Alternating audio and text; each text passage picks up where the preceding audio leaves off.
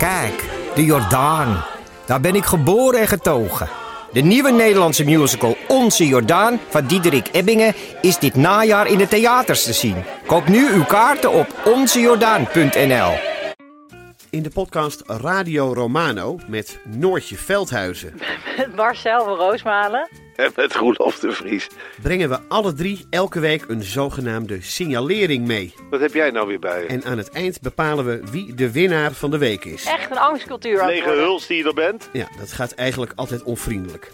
Luister nu naar Radio Romano bij Podimo. Via podimo.nl slash Radio Romano luister je 30 dagen gratis. Wauw.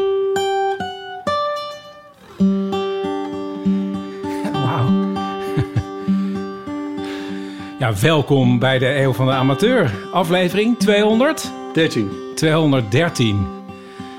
En hoe noemen we deze uitzending, Ipe? De train crash. Train crash. Ik zat zo te genieten. Dan moet ik, moet ik opeens iets verzinnen. Wat lekker. Kun je dit Ja. voortaan doen bij ons? Aankondigen, ja. Ja. Ik vind het wel leuk.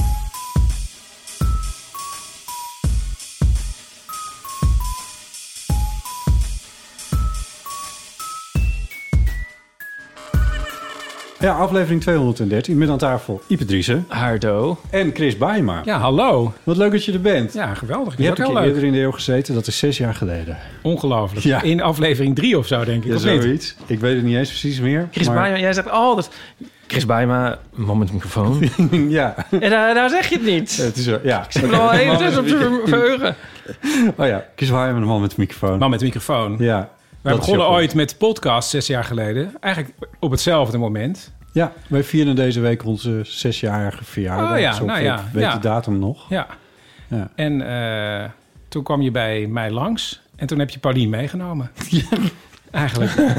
Ja, dit heb ik ook al honderd keer verteld. Maar dat, Geschaakt. dat, jij, stond toen, jij stond toen in de krant met, eh, met dat je met de man met de microfoon was begonnen... en met je bus met een foto. Ja.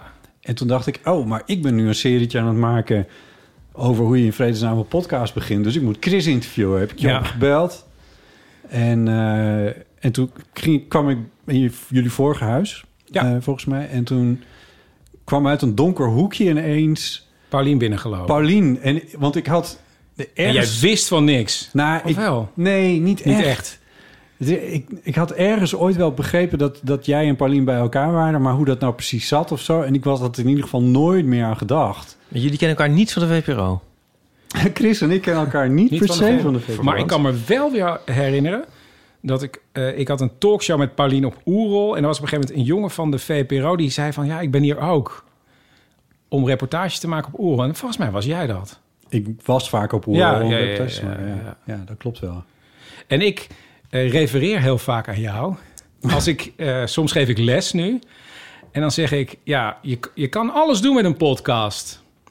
Maar eigenlijk het enige wat je niet meer als podcastvorm kan doen... is langzaam uitvinden wat jouw vorm is. Want ja, Ja. dat is al gedaan. Ja, Dat kon zes jaar geleden. Want Ja. zo ben jij begonnen. ja.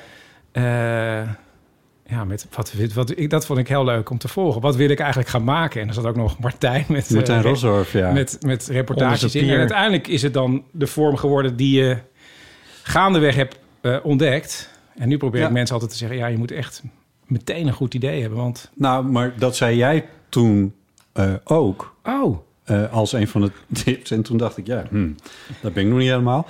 Want dat heb jij met een man met de microfoon wel van begin af aan gedaan. Gewoon van, je, je had een plan en stick to it. Eh, niet Ja. rigide, maar wel in de zin van... ja, ja, ik dacht wel, als ik een, nu een programma maak... moet het meteen duidelijk zijn wat het is. Ja, Eh, want als mensen net gaan luisteren... dan moet de eerste aflevering ook ongeveer zo zijn. ja. En ik moet iets maken waar ik jaren mee voort kan. ja, dat zei je, ja, die eerste aflevering. Ja, Dat zei je, die eerste af, mensen gaan beginnen... Als we de eerste aflevering die ze gaan luisteren... als dat nummer één is, dan moet het wel kloppen met de rest. Met de rest, ja. Want Ja. heel vaak, net, dat klopt ook, heel vaak luisteren mensen iets... en die denken, ah, ik wil het eigenlijk wel misschien helemaal gaan luisteren. En dan gaan ze weer naar één toe. Ja, En dan moet je wel ongeveer... ja. Ja, of je Herkenbaar. moet, zoals Kraftwerk, gewoon doen alsof eerste dingen nooit bestaan hebben. Kraftwerk heeft twee albums en die hebben ze een soort disowned. En eh, ja, ze vinden dat die er niet zijn. En, en in al hun verzamelboxen en dingen en zo, en eh, remasters en wat ze ook maar doen. En op Spotify, die albums zijn, ze worden nooit meer herdrukt en zo. En ze zeggen er niks over. Maar ze, ze zijn wel gemaakt. Ja. Er stond ook krachtwerk op de hoes. Oh, Wauw. Ja. En heb je ze beluisterd? Nee. Oh, dus ze houden ze ook weg, Ja. bewust. ja, je ziet ze wel in een winkel. Ze hebben een, eh, een, eh, soort, tre- eh, hoe heet het, eh, verkeerspiloon, heet het zo? Ja. Pilon? Ja, Hoe heet het? ja ik weet wat je bedoelt. Zo. Ja, een, een oranje, Oranje en, een- en, een, eh, en een groene, zeg maar. Ze hebben een soort hetzelfde design. Een soort Ja. wat, wat Boys-achtig van ze. Ja, Maar- misschien. Ja. Maar ehm, dus dat zou je ook nog kunnen doen als je denkt van nou die eerste paar afleveringen die eh, Ja, zijn kan je niks, die gooien we weer weg Ja, dat zou kunnen. of zo. Dus Ja, maar dat is voor bij jou niet, niet aan de hand. Want Nee, ik heb niet iets weggegooid. Soms, ik heb wel vorig jaar heel veel elke dag uitgezonden tijdens de eerste lockdown-serie. Ja. En die heb ik op een gegeven moment wel samengevoegd in hele grote blokken. ja. Eh, en dan de- al die losse afleveringjes weggehaald. Oh, die heb, oh oké. Ja. ja. Ja. precies. Nee, maar bij mij duurde het nog een aflevering of twintig voordat ik Ipe weer terug had. In aflevering 1 zat Ipe namelijk wel. dus dat, dat was goed gegaan. Als een soort prelude. ja. Maar het duurde daarna, heb ik er nog een jaar over gedaan voordat ik hem weer heb gevraagd. ja. Maar goed. Dus aflevering 2 tot 19, die moeten gewoon, eh, die moeten Die, moet, gewoon die vergeten. moeten, die moeten krachtwerk Het is juist leuk. Dat is juist Ja, leuk. nee, is ook, ik luisterde het ook. Want eh, toen was podcasten dus... Ik bedoel, jullie waren er vroeg bij en ik, ik kwam maar aan waaien in die eerste aflevering. En toen duurde het nog heel lang. Maar ik luisterde altijd en dan dacht ik van... eh, die man die zit onder die pier en zo. Ja, Ja, die, die man van... eh, eh, hoe heet dat plaatsje ook weer? In, eh, In Brighton. Brighton, ja. dat vond ik wel leuk. Onder Ik die vond het wel, wel leuk. Ik vond het ook niet erg dat het onduidelijk was. Nou ja, ja, het was een beetje... Ik heb toen... Ik weet nog dat ik tegen eh, Martijn toen zei van, van... Ja, maar je moet hier wel... Je moet het uitzoeken en follow-up en zo. Dat is spannend en leuk. En, eh, maar ja, goed, Martijn ging weer andere dingen doen. Dus dat is dan verder niet per se zo. Konden we maar terug naar die tijd. Dat er niemand luisterde. Ja, dat was ook wel leuk. Hè, dat je langzaam je mensen moest veroveren. Ja. Tenminste, ja. Het was ook heel onha- Ik weet... Ja, god ja. Maar ja, ik weet niet... zo- Soms vraag ik Ik vind wel- die nederigheid zelf altijd heel fijn. Ja. Ehm, wat ik ook heb als ik de straat op ga. Ik denk altijd, niemand kent mij. En dat vond ik me eigenlijk heel prettig bij. Ja. Ehm, ja, dat vind ik heel goed. Dat je gewoon maar een persoon bent. Ja. Dat hebben we niet. Waar heb je het over? Nee, nee, ja, ik ga gewoon de straat op. En ik, in principe, eh, als er geen corona is... en dan eh, spreek ik gewoon met mensen. Ja. En het liefst wil ik dat die mensen denken... oh, dat is iemand van het plaatselijke suffertje... of van de lokale radio. Ja. Ja. Ehm, ah, maakt mij het uit. Ik ga gewoon een heel verhaal aan die man vertellen. Ja. Eh, ja, dat vind ik leuk. Ik zou, het- ja, ja, ik zou het minder leuk vinden als mensen mij herkenden. ja. Want gebeurt dat? Ja, dus ja. Eh, ja, ik weet nog wel. Ik was volgens mij met het derde seizoen bezig of zo. En dat klinkt heel erg dooddanachtig, maar het is echt waar. En misschien is het ook wel leuk. Dan stuur ik je later de audiofile. En dan kan je dat er nu zo tussen monteren. Oh ja. Want dat is volgens mij nergens ooit verschenen. Oh, leuk. Ik was iemand aan het interviewen bij mij in de buurt. Een winkelier, Javoes, waar ik daarna heel vaak terugkwam. En ik legde uit wie ik was. En ik zag hem een beetje denken van, ja, wie is die knakker? En dan kwam ik weer terug, want dat is mijn tactiek ook. Ik ga bij iemand langs en dan kom ik nog een keer langs. En dan probeer ik vertrouwen te wekken. En eh, volgens mij had ik al tegen hem gezegd... ja, je kan ook gewoon naar mijn programma luisteren... dan weet je ook wie ik ben. En toen was ik daar weer en toen was ik weer met hem aan het praten. En ik was dat ook aan het opnemen. En toen kwam er een meisje binnen. En die zag mij opnemen en die zei... Hè? Hallo, ik maak ook opnames als het niet erg is. Hoe hij... Is het de man met, je- met de microfoon? Ja. Ik ben net je podcast aan het luisteren. Oh my ik zet God. hem nu op pauze. Oh my god. Toevallig. Dit heb ik nog nooit is het- meegemaakt. Is het, is het zijn, ik heb het gisteren op Facebook gepost dat het zo leuk is. Oh, wat Ook goed. voor jongelui. Ja, maar ik luister dus heel veel jongeren. Ja, superleuk. En die was op dat moment dan. naar mijn programma aan het luisteren. Dat is zo dood dan. ja. Maar ik heb de opnames, hè, die kan je Ja, zo laten leuk. horen. En toen dacht ik, wauw, dit is te gek. En, en werd die winkelier daardoor afgeschrikt? Zo van, eh, oh... Mm. Nee, want ik, eh, het klinkt heel mythisch, maar volgens mij is het heel suf als je daar naar luistert in principe. Het klinkt heel, oh ja, ja, dat is zo. Jij Maar ik vond het wel, eh, ja. jij zou ook een goede rechercheur of wijkagent of zo kunnen zijn. Zo niet eh, loslaten. Nee, is toch zo, denk je niet? Ja, Steeds met die, ja, die rondes, die mensen heel erg investeren in die mensen en zo. Weten Ja, wat er... ja. eh, Ik zie wel een overeenkomst ja, Ja. met dat soort, eh, ja, met de wijkagent. Ik ben ook een keer met de wijk, ja, ik heb ook een keer met de wijkagent afgesproken. Ja, Ja, nou ja. Het is even voor als het podcastwereld... Als, als, als, als, als, de bitcoin in elkaar. Ja. Doet de bus het nog? Ja, dat is misschien ook een primeur. Ehm, eh, ik heb dus een oranje bus waarmee ik normaal door de buurt rij. Die stond stil tijdens corona en niet binnen. Maar op een plek waar je nog net gratis kan parkeren in Amstelveen. En ik ging wel eens langs en dan zag ik dat hij ja, roestiger en roestiger werd. En op een gegeven moment, en Paulien zei altijd... Ja, ga nou, het is een blok aan je benen. En ik zei, ja, maar ik hou van mijn bus. En, eh, ja, en je doet er toch niet echt iets mee, zei ze. Dat klopt ook wel, want ik, ik zette die bus gewoon neer... en ik interviewde mensen eigenlijk nooit in die bus. Ik wees alleen maar naar die bus. Dus ik deed er nooit wat mee. En hij, ja, ik, altijd als ik ging starten, dan moest ik de ANWB bellen. Oh ja. En de laatste keer duurde dat drie uur. Want ik had geen prioriteit, want ik stond niet op de snelweg. En toen zei ik, nee, Paulien, dan wil ik die... Oké, ik ga van die bus af. Maar dan laat ik hem opknappen bij de garage... en dan geef ik hem aan iemand. Dus ik had hem naar de mijn garage gebracht... en die man heeft me, ik geloof, anderhalve week geleden opgebeld... en zei, Chris, ik ben nu al een maand Oh nee. eh, eh, ja, allemaal onderdelen aan het zoeken via de sloop. Hij zegt, dit, is, ja, dit gaat gewoon niet meer. En ook als je hem dan weggeeft aan iemand, je geeft iemand een probleem. Ja, ja, ja. En toen heb ik wel daar nog opnames van gemaakt. Ik was er met mijn zoontje Wiek en dat ik nog één keer zo achter mijn stuur zat. En eh, ja, dat is wel zonde. Dus die is nu naar de sloop en eh, Ah, die, is, die bestaat niet meer. oh nee. Ja, dat is echt zonde hoor. Ja. Ja. Ah, damn, dat is wel een... eh, Het was een moment. Dat is wel een moment, ja. Ja, want ik vroeg... Want to- toen... Volgens mij in dat eerste eh, gesprek toen hebben we het er ook over gehad. En toen zei je van ja, je moet, je moet iets concreets hebben. Je moet iets, eh, Ja. iets, fysieks, iets fysieks hebben of zo. Ik heb heel lang gedacht dat dat dan moest zijn. Nu hebben we mokken. maar En een kaartspel. Nou, misschien bedoel ik ook dat je iets fysieks he- moet hebben waar je je aan vast kan houden. Dan heb je dat in ieder geval. Je hebt nog Ja. niks. Het is hetzelfde als je met een theatervoorstelling werkt. Dat zie ik heel erg bij Paulien. En ik heb zelf ook een keer een voorstelling gemaakt. En toen dacht ik, het komt nooit meer goed. Het, het wordt gewoon niks. Laat ik maar in ieder geval een apparaat laten ontwerpen door iemand. Dan heb ik in ieder geval een apparaat waar ik me aan vast kan houden. ja, ja, ja, ja. Eh, en zo was die bus eigenlijk ook. Van, ik Ja. dacht, ja, je, je, je bent niks, je werkt niet meer bij een omroep. Maar dan heb je nog die bus Ja, ja. als, een soort, ja, als een soort knuffeldier ja, eigenlijk. Ja, ja, ja. Een soort houvast Ja. ook. Ja, ja, ja. Ja, ik moet ook een beetje denken aan een, aan een dier dat dan...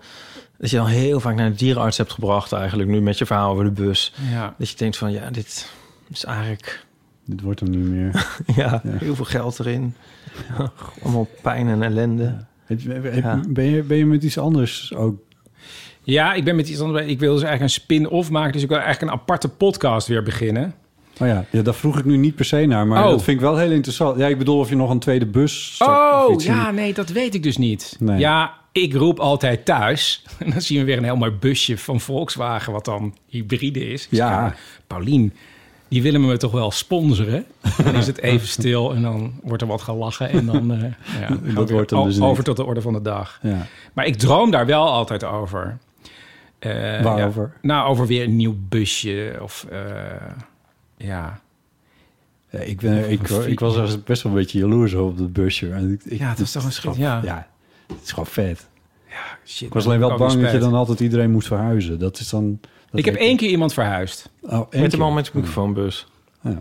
Petra Possel Oh, verhuisd. Ja, dan klopt het ook wel weer. Ja. ja. Eh, ja Maar goed. Ik, maar dat vind ik eigenlijk ook wel... Ik vind verhuizen eigenlijk wel leuk. Dus eh, ja. Maar goed, Dus- je, hebt nu, je hebt die houvast nu en nu heb je de bus. Je hebt de bus in feite ook niet meer nodig. Nee, en dat had ik eigenlijk al een jaar niet meer nodig. Want ik gebruikte hem echt niet. Nee. Maar ehm, ja, gun je ons de primeur? Oh, nou ja, ik heb ooit voor de VPRO een programma gemaakt... dat heet Een Grote Bruine Envelop. Ja. Daar verspreidde ik lukraak 250 enveloppen door het land. En daar heb ik vijf lange documentaires gemaakt... met hetgeen wat mensen mij terugstuurden. Bijvoorbeeld een flyertje van een bandje uit de jaren 70.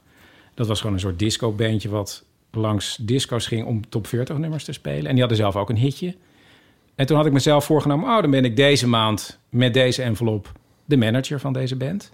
En we gaan werken aan een comeback. En daar heb ik dan een documentaire van gemaakt. En nu was ik een beetje klaar met afgelopen jaar. En toen dacht ik, ja, wat wil, wat, wat wil je nou zelf? Wat zou je nou het allerliefste maken? Toen dacht ik weer terug aan die envelop. En toen dacht ik, ja, het enige nadeel was... er moest een documentaire van 35 minuten aan het eind van de maand af zijn. En ik had Ja. ook wel een blog, maar die werd niet zo goed gevolgd. En toen dacht ik, dit is het ideale podcast-idee. Want ik kan 250 enveloppen verspreiden. Mensen sturen mij iets terug. En aan de hand van een... Ja, mensen kunnen een oude krant opsturen. En dan kan ik denken, hier ga ik een programma mee maken. En dan misschien ga ik wel elke dag een aflevering uploaden of elke week. En in ieder geval ben ik één hele maand dan bezig. Gewoon die hele research eh, eigenlijk ook in eh, verwerken. Ja, ja. Of, ehm, want het leek me heel leuk met die comeback van die band... om luisteraars op te roepen. Maar daar had ik toen helemaal eigenlijk geen tijd voor Nee. of geen kans toe. Nee. En nu zou ik aan een comeback kunnen werken... en dan zou ik jullie die nummers van dat bandje kunnen opsturen... en die kunnen Ja. jullie dan een beetje uit je hoofd leren. En dan zijn jullie aanwezig bij die comeback... en dan zingt iedereen die nummers mee. Nou ja, zo'n idee. een, eh, Ja. dit is, is dit nou een uh, This American Live Dit is een, ja, dat is een This American Live aflevering, ja. Ja, dan hadden ze een... ehm, ja, ze volgde iemand. Het was niet This American Live die dat deed, maar ze volgde iemand die... eh, ja. die had dat als een soort van, van ironisch project om ja, mensen min of meer in de maling te nemen. Op een gegeven moment hadden ze dan een, een band gevonden die eigenlijk een beetje, ja, hoe zeg je dat? Op, nou. Ja. niet echt heel erg succesvol was. En die hadden dan op een gegeven moment een, een optreden ergens en er kwam ineens heel veel publiek op af dat alle, nummers, nummers mee kennen. het meezingen was. Gemeen eigenlijk. En Ja, toen- nou, nou, hij- iedereen dat dacht is het hartstikke ding. leuk project. Ja, En die zanger kwam erachter. Die was eerst echt super blij. En die kwam er toen achter. Nee, het is Ja. allemaal in scène gezet. En die is daar echt Ja. heel erg depressief. Ja, echt depressief van geworden. ja. Ja. Maar terwijl ik wel de vreugde... Ik, als je die reportage luistert, is heel leuk. Want je denkt van, wauw, een goed idee en wat grappig. En Ja. hebben ze ook eindelijk een keer succes. Maar dan denk je, oh ja, maar ze hebben helemaal niet nagedacht... over hoe het bij die mensen overkomt. Nee. Ja. Ik heb eindelijk die eh, aflevering van The Missing Hit van... ehm oh, hoe heet die andere? Die podcast? Reply All? Ja, denk ik, ja. Oh, oh van ja. iemand die een liedje in zijn hoofd heeft en dat niet eh, te ja, vinden dat. is. Oh ja, ja, ja, ja. ja. Oh, ja, ik zat laatst in de verkeerde trein. Ik was ik, ik moest naar Hilversum en toen reed de trein heel de verkeerde kant op. Zou je net zien. Ja, en ehm, nou, toen had ik op Twitter gezet van... eh, ik zit in de verkeerde trein, vermaak mij. Ik had gewoon een boek bij me. En toen kwam voor, ik denk misschien de 800ste keer iemand met de link van... De, je moet luisteren naar de Missing Hit. Ja. Jonica had het volgens mij ook een keer aangeraden. Toen dacht ik, nou oké, ik, ga het- ik zal het luisteren. Dit is wel een briljante aflevering, ja. Dat is best wel leuk. Ja. Reply All is daarna een beetje ingestort. Maar ja, goed. Ja. Dat ik zei het op dat moment niet zoveel. Maar dit terzijde, omdat ik wil maar aangeven... dat ik ook een Amerikaanse podcast heb geluisterd. Oh, dat wou je voor, zeggen. Voor, Heel goed. voor once. Ja. Maar goed. maar, maar enveloppen dus. Ja. Eh, ja, en daar wil ik eigenlijk volgend jaar mee beginnen. Het enige probleem is, eh, wie gaat dat betalen? Dus ik ben Ja. weer op zoek Oh, naar een ja. hoofdsponsor. En eh, ik straal altijd wel uit. Dat het, maar het is super moeilijk om eh, een hoofdsponsor te vinden. Ja. En eh, ja. Dus het is hard werken. Of je moet Dus- weer naar een en dat is omroep, een beetje lastig. Dus nu ben ik daar heel hard mee bezig. En dan maak ik een mooie compilatie van mijn eh, eh, eerdere afleveringen Ja. uit die zes jaar. En toch begrijpen sommige luisteraars dat dan niet. Maar wordt jij, wordt, Dat Van dan- ja, je loopt de dingen te herhalen. En denk heel hard aan het Ja, monteren, aan een precies. goede Ja, het is selectie. wel een one-man band die dat allemaal aan het doen is natuurlijk. Ja. kan je het niet ergens onderbrengen of zo, of wil je dat niet? Eh, nou, ik, ik, eigenlijk vind ik dat ik een programma maak... wat bij de NPO zou moeten worden Ja. uitgezonden. Ja, maar eh, Ja. daar kan ik nog niks over zeggen. Oh. Oh. Oh? nou, dat kan ik ook echt niet. Welke, welke zoek je?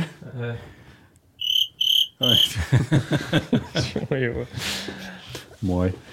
Ja. Hey, en eh, moeten we ook eventjes natuurlijk nog de aanleiding... de- want de- zes jaar de kans eh, was er al om eh, jou hier uit te nodigen. ja. Waarom, eh Botten, hebben we dat eigenlijk gedaan vandaag? Misschien eerst nog even, als er dus iemand is die luistert en die iemand kent die heel veel geld heeft. Oh ja. eh, ja, nee, nee, nee. Ik, ik, ik, dat komt wel goed. eh, mail naar komt wel goed, het man met de microfoon. Oké. Eh, nou, ja, de aanleiding. Ja, eh, eh, eigenlijk wilde, wilde ik je al heel lang weer een keertje in de Eeuw van Amateur hebben. Leek me heel erg leuk. Ik niet hoor. En, en, eh, en toen schreef je dat fantastische boekje. Het gele instructieboekje, nummer 1. hoe maak ik een podcast? Eh, daar hebben we met Pauline al heel eventjes over gehad. Misschien ken je haar wel. Ja, En die, eh, en die vertelde wat over. Ik vind het een fantastisch boekje. En het toeval was, vanmiddag spraken wij... Was er iemand op de studio? Ja, een vriend van mij, Jan.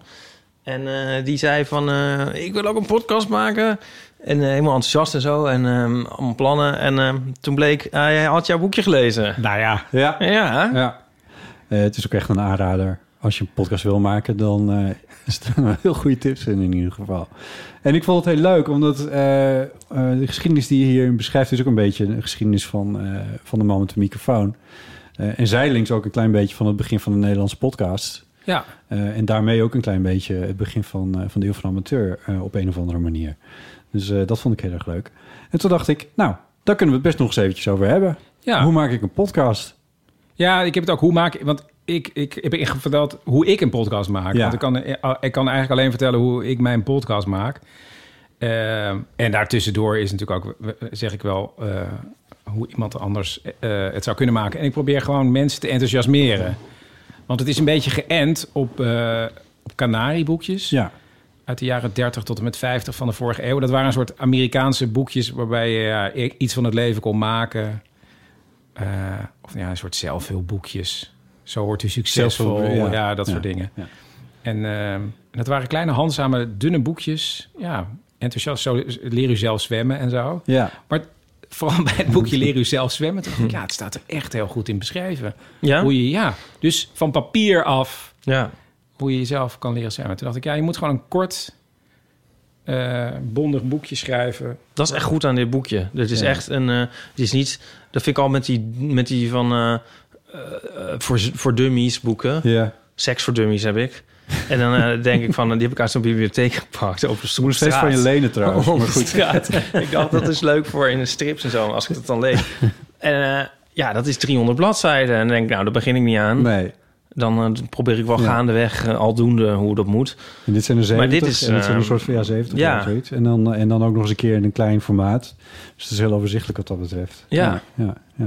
Het is echt een starter, starters guide. Ja, zeker, ja. En je hebt natuurlijk ook waarschijnlijk wel boeken voor eh, als je een opleiding doet of zo. Maar dit is gewoon, ja, Nou ja, een het- enthousiasmerend en toch ook heel veel, heel veel informatie. Maar moeten mensen wel geenthousiasmeerd worden om podcasts te maken? Eh, Chris Baaiema. is dat nog nodig? ja, nou ja. ja nou, is ik dat denk nodig? wel. Is het Nou ja, wenselijk? Zijn er niet te veel? Nee, eh, ja, weet ik niet. Maar ik dacht wel, ehm, toen ik dit boekje ging schrijven... ehm, we hadden het net over This American Life. Ik was radiomaker ooit bij Radio 1. En, eh, maar ik was niet zo geïnteresseerd in scoops of nieuws. En ehm, ik werd een keer heel ongelukkig toen er politici op een soort rondtocht die ik met hun aan het maken was. Op een gegeven moment belanden we in een café. Toen begon een man met een stoel naar een andere man te gooien Oh, was in Utrecht. En ik was een keer een dag mee met eh, minister Remkes. Hé, wacht even hoor. Ja, er, was een, er werd een soort busbaan aangelegd in Utrecht. En ik liep dan met de wethouder volgens mij rond, zoiets. En iemand die was er tegen. Nou, ik dacht gewoon in mijn soort CDA-achtergrond ja. van mijn opvoeding. praten. Gaan we praten. Ja. Hè? En ik, nou, dus ik had me helemaal ingelezen. En de voor- en de tegens. Maar die tegenstander van die busbaan was zo boos. Die pakte op een gegeven moment een stoel en gooide die naar die wethouder. Oh, En toen dacht ik, ja, maar dit is gewoon, nou, dit is niet eh, wat ik wil doen. Want, conflict. eh, eh, want een normale journalist had dat misschien een heel, heel tof verhaal gevonden of zo. Ja. Ja. En ik heb ook nog een keer iets anders gehad. Eh, wat was het nou? Nou, een soort, nou ja, een artikel volgens mij in Opzij werd iemand opgehemeld. En ik had dan via via gehoord dat diegene niet leuk behandeld was of zo. Nou, er was iets. En dan ging ik er ook op af. Ja, ik vond dat gewoon. Ik denk, ja, wat zit ik nou? Te, weet je wel? Ik wil helemaal mensen ook helemaal. Weet je, ik wil ook mensen helemaal niet ongelukkig maken. Dat is ook mijn, mijn taak niet in het leven. Weet je wel? Nee, ja, Dat doen is gewoon echt. met- Dat doen die anderen. Ja, ik, ja, dat maakt en dat je wel heel ongeschikt als journalist. ja, nou ja, ik ben een ander soort journalist. Ja. Dus op een gegeven moment was het ook zover dat ik dacht van ja, eh, ben ik wel journalist? Want ik was gewoon geïnteresseerd in verhalen van gewone mensen. En op het moment dat ik dacht, nu stop ik ermee, toen ontdekte ik This American Life. En toen dacht ik, oh, maar er zijn ook mensen die zo radio Ja. maken. Verhalend. Verhalend. En die gaan op een hele andere manier te werk. Want dat is een beetje het gif natuurlijk in de Nederlandse radio... dat al die radiomensen of heel veel mensen komen van de journalistieke opleidingen. En die krijgen allemaal bepaalde info van... ja, je moet zo, zo moet je dingen maken. Dus die hele radio is vol met allemaal journalisten... die journalistjes spelen. Of, Ja. en, zoek gaan naar conflicten. Ja, eh, en ja. vormertjes aan het vullen ja, zijn. ja, al of sarren of eh, trekken. Ehm, en toen dacht ik, oh, ik heb daar heel veel aan gehad. Toen ik dat ontdekte van This American Life. Toen dacht ik, oh, maar als, als het daar mensen het zo doen... dan kan ik het ook gewoon zo doen. Dus toen ben ik me heel erg op mijn eigen pad gaan zetten. En toen dacht ik, oh ja, als iemand dit boekje leest... kan hij misschien ook denken, oh, maar het hoeft helemaal niet... Ja. volgens een bepaald stramien Ja. te zijn. Maar ja, toen dacht ik, als dat al helpt... eh, dat zou ik al leuk vinden. Ja. Ja, dus het hoeft ook niet per se, per se mensen ertoe aan te zetten. Maar die mensen die dat gaan doen, dan worden ze in ieder geval een beetje de goede... Nou ja, of ja, misschien, Nou ja, geïnspireerd. Ik, ja. Het zou of misschien volgens mij... mensen iets, weet ik, ik weet Ja. het niet. Nee, het zou volgens mij heel nuttig zijn als dit in ieder geval in de bibliotheken van de journalistieke opleidingen staat. Maar misschien zou het gewoon moeten kopen. Ja, lijkt me eigenlijk wel. Het is, oh, want ik, ja, dat had ik nog niet, eens, nog niet eens bekeken. Maar inderdaad, als een soort van parallel eh, opleidings... eh, hoe zeg je dat? Of een parallel traject. Dat is een soort alternatief van dit kan dus ook. Precies wat jij hebt doorgemaakt eigenlijk Ja, zou dat gewoon heel gunstig zijn. Ja, er zijn natuurlijk wel... Die voorbeelden zijn nu groter. This American Life, toen jij het ontdekte... dat zal een jaar of tien geleden zijn, denk ik dan. Eh, nee ja. joh, Nee? nee, echt midden jaren negentig. Oh, toen al? Ja. Echt toen ze net begonnen? Ja, volgens mij waren ze twee jaar bezig of zo. Oh, en dan kon je het via het internet luisteren? Ja, ja ehm, nee, je kon het kopen. Kopen? Ja, dat is ook eh, interessant, staat niet in mijn boekje. Op cd? Nee. Nee, je kon, eh, de iTunes Store had vroeger geen onderscheid tussen muziek Ah, ja. of andere dingen. Dat was één grote vergaarbak en alles eh, was gewoon te koop. Ja. Ehm, en een aflevering van This American Life kostte een dollar. Ja. Dus je kocht heel vaak eh, een aflevering voor een dollar. En Oh, toen heeft Steve Jobs verzonnen dat eh, er een podcastplatform apart kwam. En daar moest alles gratis zijn. Ja. Eh, en nu wo- wordt het weer betalen. Ja. Zoiets. Maar dus, dat, dus dat het feit dat hij alle podcasts gratis heeft gemaakt... heeft er ook voor gezorgd dat, het, ja, dat je allemaal advertenties en eh, eh, luisteraars, donaties... Dus die, die hele Ja. structuur is eigenlijk alleen maar... omdat het zo begonnen is. Dus is dit een beetje een pleidooi voor het iTunes-systeem van toen? Van Nou, ik dacht wel, podcast oh, voor een het zou heel veel moeite hebben ge- Ja. gescheeld... als gewoon elke aflevering van een podcast gewoon een euro was. Ja, 99 cent had opgeleverd. Ja. Dat had ik nog niet eens bekeken. Wat grappig. Jij kocht die afleveringen van Ja. American Live in die tijd. Ja. Wauw. ja. Ah, ja, nee, dan was je er echt wel heel vroeg bij inderdaad. Ja. Tenminste, in ieder geval veel vroeger dan, eh, dan het gros. Ik kreeg al meteen een mailtje van iemand... die vond een hartstikke leuk boekje... maar die zei... Adam Curry komt er niet in voor. Ja, Ehm, ja. En dat is wel grappig, want Adam Curry... Dat, weet jij dat? De verm- vermeend Ik weet wie het is, maar... Nou, maar Adam Curry was in 2004 begonnen met een podcast. Ja. En die Oh. werd de, de potvader genoemd. Oh. Ja. Nee, dat wist ik Want- niet. en die was eigenlijk de eerste... eh, met een Ja, ja, ja. podcastprogramma. Ja, En eh, ik maakte in 2005 een serietje over podcasts voor de VPRO. En ik ontdekte laatst dat ik daar ook nog een kort interviewtje had met Adam Curry. Oh, echt? Waarin hij uitlegt wat een podcast is. Wat Heel grappig. grappig. Ja. Wat grappig. Ja, het, ehm, ja, hij heeft het een min of ja, hij wordt gezien als de uitvinder van, van de podcast. Ja. De- de- ik geloof dat het Maar een in, in Nederland dan? Of nee, wereldwijd. Nee, wereldwijd. wereldwijd? Ja, Adam Curry. Ja, die Ja. man is een visionair, eh, Ipe. ja, is Oh. visionair. Ja. Je moet hem nu niet te veel volgen in deze coronatijd, geloof ik. Maar Nee, ja, hij... eh, nou, ik, ja, ik- ja, ik weet het. Ik heb Oh. het niet recent eh, ja, ja. allemaal goed bekeken, maar dat is, het schijnt wat moeizaam te zijn. Maar het is even, even zo- zonder ironie is hij eigenlijk best wel visionair hierin geweest. Ja? Zeker, ja. Nou ja. Hij had Leuk. bedacht dat je stukjes audio zelf kon maken en op een device kon zetten wat je mee kon nemen. Ja. Toen was er een journalist van The Guardian die eh, dit fenomeen ging beschrijven. Niet noodzakelijkerwijs een fenomeen van Adam Curry, maar wel dit fenomeen. En die bedacht toen van ja, dit moet ook een naam hebben. Oh ja. En toen gooide hij een paar termen omhoog. En eentje was een samen, samentrekking van broadcast en... Ja, want dat, dat staat ook in, iPod, in, eh, ja, dat staat in je boek, toch? Dat heb ik net gelezen, Ja. volgens mij. Ja. Ja. Ja. Ja, dat, is- ja. Ja. oké. ja, dat, dit staat er... Ja, ja, Ja. Maar Adam Curry niet. Waarom heb jij Nee. curry overgeslagen? Ja. Nee, het moest compact zijn. Ja. En, eh, Ach ja, ja. Adam Curry. Oh, heet, hij, heet hij echt zo? Of is, heet hij eigenlijk... eh eh Oh ja. Aatje... eh, ik nee, ik kom niet op iets grappigs. ja, heet hij echt Adam Curry? Ik denk het wel. Nou ja. Ik, ik ken zijn verhaal niet helemaal. Ehm, je hebt ook nog een soort eh, ehm, een pleidooi voor het hoorspel in het boek. Ja, omdat ik zelf eh, ook hoorspelmaker was Ja. eh, in Hilversum. En nog steeds vind ik het heel leuk om fictieve dingen eh, te maken. En ik had laatst weer een vriend op bezoek, die is filmer.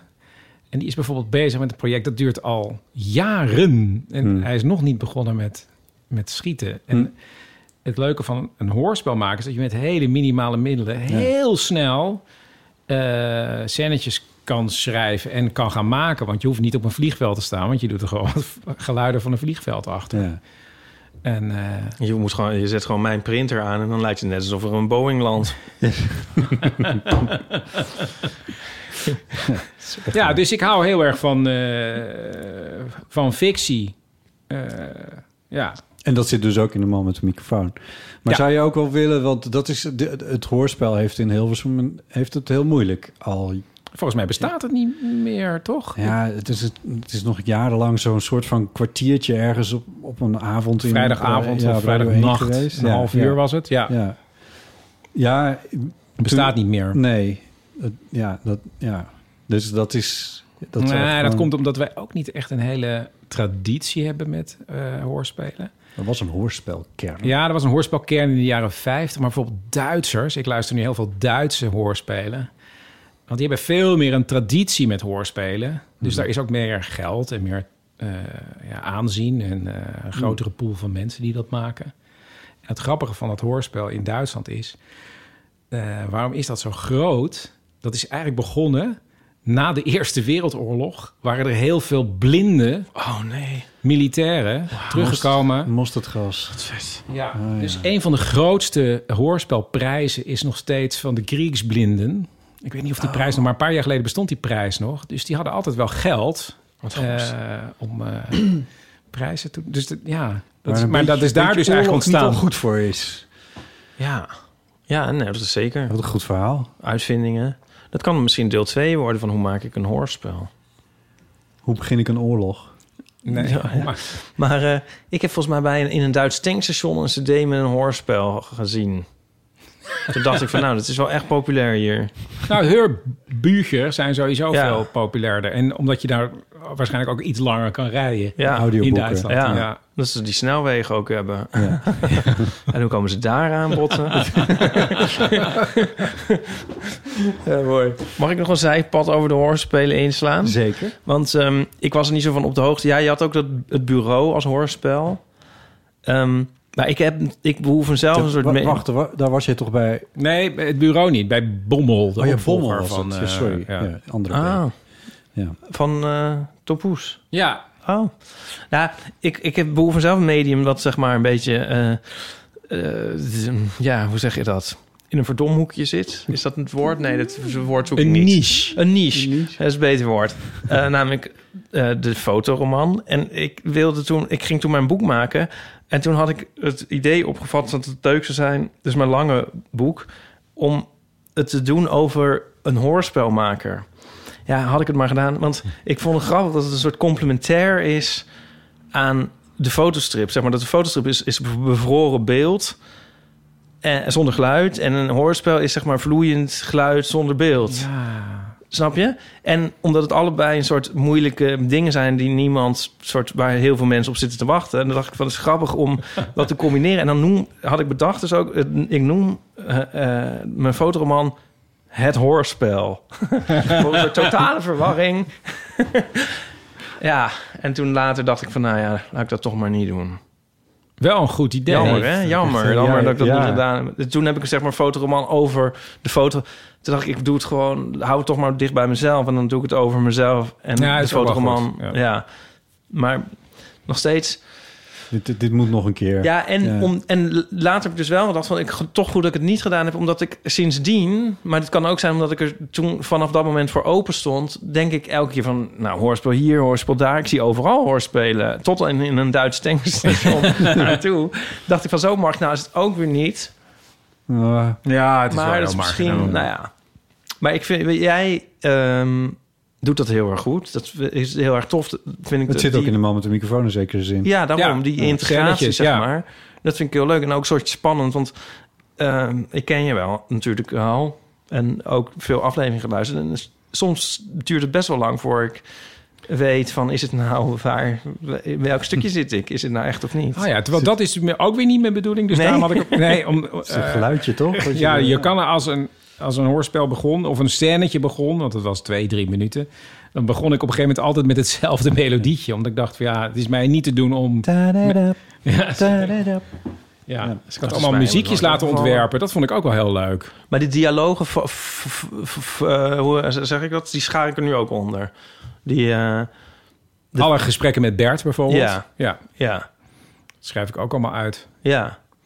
Nee, maar dus dat, die versta ik er dan ook onder. Dus dat zeg Ja. maar, dat, dat vind ik, dan is het toch niet zo heel snel soms duidelijk te, ja, waar, Ja. wat echt is een nep. Nee, maar ik was wel ergens een keer en dat, dat iemand een voorbeeld liet horen van een documentair stukje. En toen zei ik, ja shit, dit is gewoon niet echt. Dus die ging een heel leuk fragment laten horen, maar dat was gewoon Marcel Hensema als een of andere buurtregisseur. Oh ja. Die door, Oh. die door, ja, doe eens even normaal. Hè, Ik dacht van, hé, maar dit is zo'n raar iets. Dat is toch wel duidelijk dat het niet echt is. Dat werd Ja. daar gepresenteerd alsof Ja. het wel Ja. een documentaire was. Ja, Ja, dat verbaast Ja. mij niet. Ja. En aan de andere kant, want dat zeggen ook heel veel mensen... ja, maar sommige ware verhalen zijn al zo raar... Ja, En nee, maak je dan ook nog fictie? Maar Oh. ik maak die fictie gewoon omdat ik het leuk vind. Ehm, en eh, ja, die rare verhalen, dat is ook wel grappig. Dat je af en toe denkt van... ja, maar dit lijkt ook wel helemaal uitgeschreven. Ja. Ja. Wat je soms tegenkomt. Ik, weet, ik wil je nog iets vragen over die Duitse hoorspelen waar je dan naar luistert. Wat, wat, wat maken ze daar nu? Is dat nu anders dan... Nee, eigenlijk, ja, je hebt daar een hele eh, experimentele kant. Ehm, eh, en ook de, de con- conservatieve kant. En ik ben eigenlijk nu een hele conservatieve kant aan het luisteren. Een soort crimi-heurspelen. Ah, Wat ik wel eh, lekker vind om gewoon s- s'avonds eh in bed eh, te luisteren. En ik had op een gegeven moment ook een Duitse maker ontdekt. Die heette, of die heet nog steeds Paul Plamper. Die had een heel mooi... Op goede naam. Ja, Paul Plamper, hè? Ja. Die had een heel mooi hoorspel eh, gemaakt. En dan ook eh, opgenomen met zo'n Oh, zo'n hoofd. ja. Je hebt van die paspophoofden, daar zitten microfoons in. ja. En dan kan je die neerzetten en dan kan je daar dus acteurs omheen zetten. En dan is het net of die acteurs praten tegen jou, tegen degene die luistert. Want je Oh, hoort precies... ehm, Ja, dit is raar. Het, eh, eh, Ambio heet het volgens mij. ja, en dat was... Maar dat, Knijterduur. ja, dat is dus ook zo. Want toen keek ik... Ja, het is, en, maar het was ook een heel goed geschreven hoorspel. Maar Oh, toen ja. keek ik in die aftiteling... Of die kreeg ik te horen. En toen ging ik kijken op, op internet. Nou, daar werken zo 20, 30 mensen mee aan een hoorspel. Wow. Maar ook met, bijvoorbeeld, nou, dan, daar moest ik echt wel heel erg om lachen. Een dramaturg bijvoorbeeld, is er dan ook op een hoorspel gezet. Wauw, dat zou hier Ja, nooit gebeuren. nee. En dat vind ik eigenlijk ook wel, dat, dat vind ik ook wel de charme hier, dat ik het gewoon als eh, heel snel kan maken. Of Ja. als één man, want zoveel lagen hoeft voor mij ook niet eh eroverheen Nee. getrokken te worden. Maar ben je niet ook een beetje een controlfreak gewoon? Mm, ja, ja. Of vind je dat een vervelend woord? Eh, ja, misschien wel. En daarom ben ik gewoon echt alles in mijn eentje gaan doen. ja. Ja. Omdat je dan alles in de hand kan houden. En ik kan ook heel snel beslissingen nemen. Of heel snel dingen weggooien. Weet je wel, soms zat je in Hilversum te, zat je maar te monteren aan iets waarvan je dacht... ja, het was gewoon geen, goede, geen goed gesprek. Maar dat moet je dan nog afmonteren tot Ja. vijf minuten. Ja, Ja, dat hoef ik nu niet meer te doen. nee, Dan gaat het gewoon weg. Dan gaat het gewoon weg. Dan gaat heel veel weg. ja. Wat Ja. lekker. Ja, want jij, jij gooit echt veel weg volgens mij. Ja. Ja. Maar dat Maar, is... ja. Oh, sorry, ga je gang. Nee, nee, nee. Dat is... Dat is, dat is een van de kerndingen bij het maken van goede audio. Volgens mij. Nou, ik wou net zeggen, want volgens mij jij doet dat niet. nou, in de eeuw van amateur dus niet. Maar ben, ben je niet jaloers? Dat is niet de opzet van dit idee. Dat is niet- Nee, dat is niet de nee, opzet. nee, Maar ben je niet jaloers? Jij zit ook wel zuchtend en steunend iets te monteren. Niet van ons dan natuurlijk. Maar Ja, nee, want dat, ja, want dat is ook leuk. Want dat staat ook in het boek. Dat jij, dat noem- monteren noem jij een van de leukste dingen. En dat is, Ja. bij mij is dat, is dat een... Ik vond dat tot een paar jaar geleden nog... vond ik dat een van de meest verschrikkelijke dingen, monteren. Ik vond het veel leuker om op pad te zijn... en te praten met mensen. Maar dat begint nu een beetje te veranderen. En dat heeft te maken, volgens mij... met dat ik erachter kom dat ik veel beter... ehm, eh, want dat beschrijf je ook in het boekje. Dat je terwijl het opnemen, aan het opnemen bent, weet je al van eh, dit, dit, nee, Dit komt er dit niet woord in. komt er niet in. We gaan lekker doorpraten. Ik ga je zelfs nog een vervolgvraag stellen. Het komt er allemaal niet in. En dat trucje, dat heb ik inmiddels volgens mij ook in mijn hoofd. Maar dat heeft echt jaren geduurd voordat ik dat een beetje had. En nu weet ik het wel ongeveer. Ik heb nu, ben nu weer met een heel mooi project bezig, vind ik zelf in ieder geval. eh, waarin ik net ook heel veel en relatief lange interviews heb opgenomen. En die schrijf ik nog wel uit, maar ik weet eigenlijk al wel. Ik weet het eigenlijk wel. Ik weet eigenlijk Ja, ja, wel. Wat, ik, wat ik ongeveer wil, maar ik wil het zeker weten, dus dan schrijf ik het nog wel uit. Maar Ja. Oh, wat, Maar- ja, maar ik weet niet of het voor de luisteraars heel eh, freaky is. Maar vroeger schreef ik ook alles uit. En je- er is verschillende fases in maken. En op, maar wat ik zo heel fijn vind... en toen was het ook allemaal met cassette ja, recordertjes, hè, waar je het opnam. Ja, hoeveel hebben we het nou over? Ja, die, eh, eind jaren negentig, Ja. begin jaren negentig. Ja. Min- Maar nee, midden jaren negentig. En, maar, en wat schreef je dan uit? Nou, je schreef je hele gesprek uit. Dat je hebt opgenomen? Ja, dat hele interview. Waarom? schreef- Ja, nou ja, omdat je dan kon je met gele markers aangeven... dit is een goed stuk, dat is een goed stuk. En dan zet je je eh, eerste woorden, laatste woorden in een schema. Daar ging je mee naar de... eh, naar Oh, Hilversum, nee. waar iemand achter een montagetafel zat... die echt met banden... En dan zeg je, nou, oké, eh, we gaan erin bij eh, het eerste woord eh, de vorige avond... en we gaan eruit bij het laatste woord Oh, jezus. is neergezet. Ja, dat ja, duurt ja. 3 minuten 43. Nou, Ja. dan werd het helemaal zo in elkaar Ja, geknipt. dus je vertaalt het naar de tekst, dan monteer je Ja. eh, in de tekst. En dan Want je had maar een uur montagetijd Ja. ter beschikking. Ja. Dus je moest al met een heel plan komen. Terwijl als ik nu monteer, zit ik soms dagenlang steeds tussendoor Ja. te monteren. En dan schuif ik blokken heen en weer. En ik vind het heel fijn om met digitale wavevormpjes te werken. Want ik weet dan ook van, oh ja, volgens mij kan ik aan het wavevormpje dan al Ja. zien Ja, van, ja. oh ja, daar was een kleine pauze. Dus daar ging het waarschijnlijk over. Dat ik het Ja. koffiezetafeltje hebben. Maar jij zit dat nu in dit... Je doet het nog steeds, waarom? 2021. Je weet toch waar het doen? gesprek over ging? ja, omdat ik het zeker wil. Ik, omdat, omdat Jezus. waar ik dus echt wel wat lol in heb gekregen, is dat puzzeltje. En wat mij heel erg helpt bij... eh, want dat is eigenlijk de enige reden dat ik het uitschrijf... is dat ik weer terug kan vinden waar het precies zit. Want daar kan ik namelijk niet tegen tijdens het monteren... dat ik moet zoeken naar eh, waar het zit. Oké, maar ik moet nog ook even zeggen, ik luister alles na. Eh, en dat selecteer ik dan. En dat benoem ik. Ja, Dus er is, je Bij krijgt eerst een heel... Ja, dus Ja. dan heb ik dus die drie minuten selecteren. En zet ik in die drie minuten... eh, ja, dat markeer ik dan en zeg ik daar Ja. zet ik in bij zijn tafeltje. Dus alles, ook de dingen die ik niet gebruik, wordt wel benoemd. Ja, ja, ja. Je hebt een, Ja. eh, een soort systeem gewoon eh, Ja. voor Ja. jezelf. Of gewoon, maar Ja. ja. Maar jij, Oh, doet, maar jij, toen- ja, dus maar eerst jij doet ik- het in, in het geluid wel. En, Ja, Ja. in de geluids... Ja, dus, eh, Ja. Maar nu eh, benoem ik niet meer alles behalve... Ja, dus ik luister eerst en dan zeg ik...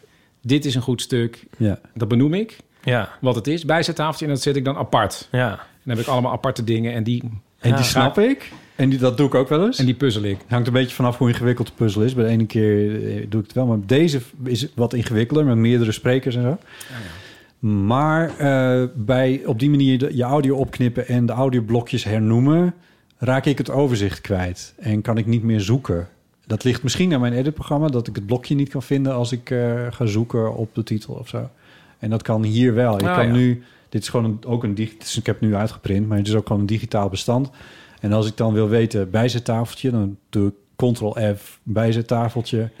En dan vind ik alle, alle plekken waar het over bij zijn tafeltje. gaat, die vind ik dan weer terug. Maar het leukste is dat je je eigen manier hebt gevonden, vind ik, wat gewoon werkt. Ja, Ja, en ik heb er dus lol in gekregen. en dat, is, eh, dat is echt iets van de laatste tijd. Want dat, dat had ik dus eigenlijk niet. En ik van, vond het heel van grappig. vandaag dan, want eh, gisteren zat je nog te zuchten Nee, nee, nee, te maar als, nee, kijk, als ik er eenmaal in Nee, zit, grapje. dan zit ik er wat te, te steunen en te kreunen natuurlijk. Maar dat is weer wat anders. We hebben het leukste werk, maar dat wil niet zeggen dat het altijd leuk is. Ja, Ah, ja. ja. Maar ik vond het heel grappig om, het, om door jouw boekje daar weer even mee geconfronteerd te worden. Dat jij het gewoon keihard opschrijft van ik vind het monteren het allerleukste. Ja, bijna. Het, ja, ik vind, ja, ik vind het echt heel leuk. Ja. Dat, dat had ik vijf jaar geleden, had ik dat, was ik dat echt heel erg oneens met je geweest. Maar dat is nu, ja. nu, nu vind ik dat eigenlijk ook wel. En dat heeft ook wel te maken met die deadlines voor de radio die er niet, eigenlijk nauwelijks meer zijn. Want, of tenminste, ja, ze zijn wat langer geworden of zo. Ik weet niet. Ik zit gewoon niet meer zo. Ook, ik zit, heb datzelfde traject doorlopen als jij door nieuwsradio te maken. En dan te weten van oké, vanmiddag om vier uur moet het klaar zijn en moet het op de zender en bladibla. En ik kan dat wel, maar ik vind het, ja, het maakt het monteren minder leuk, want je zit tegen een deadline aan te monteren. En nu Ja. weet ik, ik kan nu iets maken en dan slaap Oh, ik er nog een nachtje hou over. van een deadline ook wel. de, de whooshing sound they make, make as they go by. Weet je wat mij zo vervelend lijkt van het monteren? Want ik, ik vergelijk het nu in mijn hoofd steeds met, ehm, Maar je doet hetzelfde, Ipe. met mijn fotostrips. Ja. Ja, maar dus wat ik... Ik vind dan monteren van de fotostrips ook veruit het leukste. Want dan heb ik al het materiaal en een soort boet, boetseren. Ja, ja. Maar ik heb dan muziek op. Ja, nee, dat kan niet. Ja, en ik zit dan echt te genieten. En dan ben ik helemaal in de muziek en zo. En wij mijn, ja. hersens uit Ja. en zo. Heerlijk. Ja, maar het is ook een soort... Je zit ook in een... Wij zitten ook in een tunnel. Maar dan gewoon met dat geluid waar Ja, we maar je, hebt niet, je kan er niet een muziekje bij opzetten. Nee, dat hoeft, ja, dat hoeft dan niet. Heb je er geen behoefte aan? Ik zou eens moeten proberen. Gewoon zachtjes zo op de achtergrond. Dat zou een theorie moeten kunnen. Ja, ik denk dat het me afleidt. Ik denk dat ik... Je bent zo met die audio bezig. Ja, Ja. maar dat lijkt mij, lijkt mij vreselijk. Ja, ik vind het heerlijk om te werken met, met muziek erbij aan. Ja. En ik denk ook van... Maar we kijk, maken leuke beeld is- dingen, hè? Nee, dat weet ik. Ja, natuurlijk. Ja. Maar ook een beeld is zeg maar een soort... Ja, hoe noem je dat? Immediate. En een geluid neemt natuurlijk een, een... Heeft een soort tijdspannen. Dus dat, dat lijkt me ook zo... Het lijkt me zo lang duren, zeg maar. Dan moet je Oh, dat weer luisteren. En dan, Ja, zo, wat zat er in dit fragmentje? Ik bedoel, als ik één beeld, dat bekijk ik in een, in een, in een, in een fractie van een seconde, bij wijze van spreken. En als je denkt van waar zat dat? Oh, wat wat, Ja, werd hier gezegd? ja, dan die dit- tijd die het Ja. duurt maar om te- ik, als ik nu een gesprek van anderhalf uur met iemand heb... weet ik wel waar de goede stukken zitten. Dus het kost me minder veel werk dan het me een tien jaar geleden heeft gekost. Ah ja. En wat ik ook heel fijn vond... ehm, bijvoorbeeld vorig jaar moest, eh, had ik mezelf voorgenomen... ik maak nu elke dag iets. Dat vergt een heel andere aanpak. Ja. Dus toen zei ik tegen mensen... Dus de eerste Ja. keer belden mensen met verhalen. En was ik een uur aan het opnemen. Toen zei ik op een gegeven moment... Ja, maar als Dit ik dit doe, ga ik er aan onderdoor. Ja. Dat hou ik niet vol. Dus had ik voor mezelf voorgenomen... Oké, die mensen mogen maximaal 20 minuten praten. Bleek gewoon heel goed te kunnen. Daarnaast ontdekt, herontdekte ik eh, de voice-over. Want wij eh, uit de bot en ik uit de ouderwetse radio... Yes. eigenlijk werd ons geleerd... het Ja. allermooiste is dat je het verhaal van Ipe Ja. opneemt... Ja. en Chris is helemaal niet te horen. Ja. Dus Ipe doet één heel lang verhaal. Ja. En dat is moeilijk, jongen. Dat is echt Ja. heel moeilijk monteren. Wel heel fijn. Ja. Maar sinds die podcast moet je zelf meer naar voren. Want mensen luisteren naar jouw Ja. programma.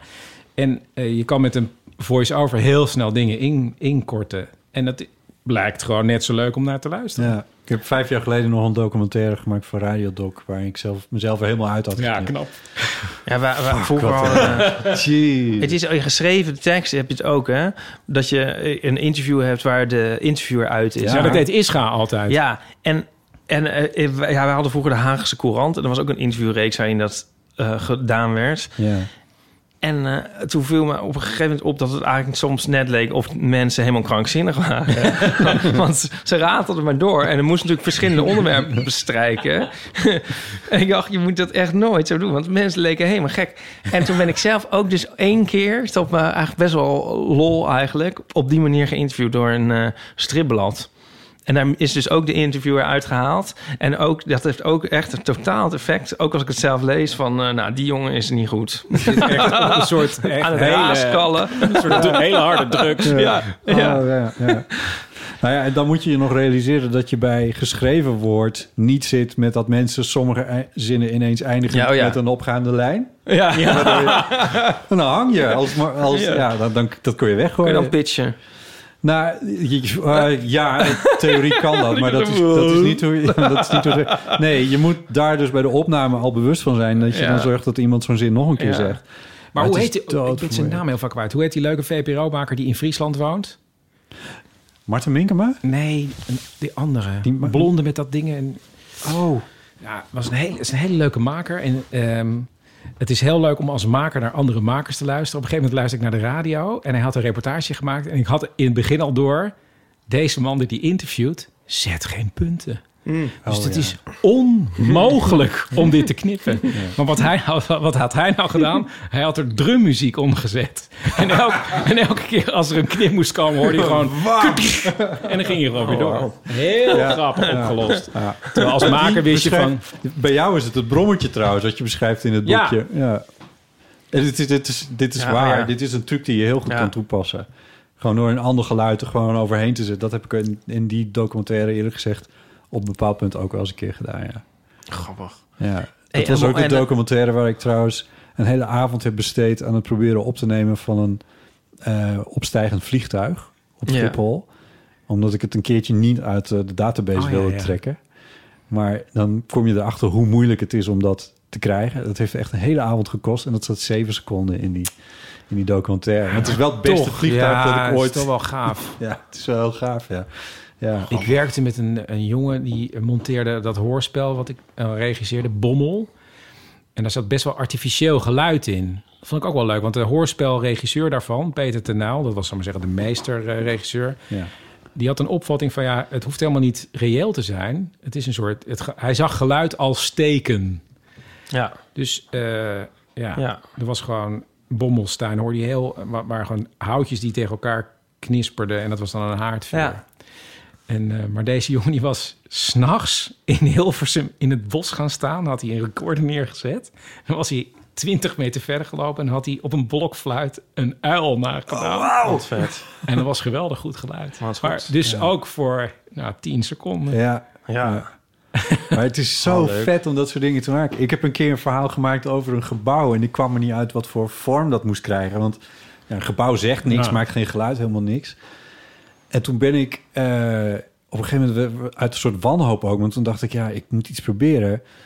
Eh, ben ik naar een eh bakstenenhandel gereden. en toen heb ik gevraagd of ik twee bakstenen mocht kopen... En toen keken ze me aan alsof ik gek was. En toen zeiden ze, neem in Vrezen twee bakstenen mee... want we verkopen ze niet per twee. Maar, en, die heb ik, en toen heb ik dat geluid... die bakstenen over elkaar heen gewreven. En elke keer als het gebouw min of meer aan het woord was... dat was mijn voice-over... dan hoorde je die baksteen. Ik vind dit heel erg Björk ook. Ja, Ja. het is Daar dan een nummer wel- van maken. Ja. Ja. Dat, dat was wel echt heel Maar ik denk wel dat het, dat het goed is. Want je hebt bijvoorbeeld in eh, films of zo... dan eh, in Amerika en dan eh, in de verte hoor je zo'n freight train.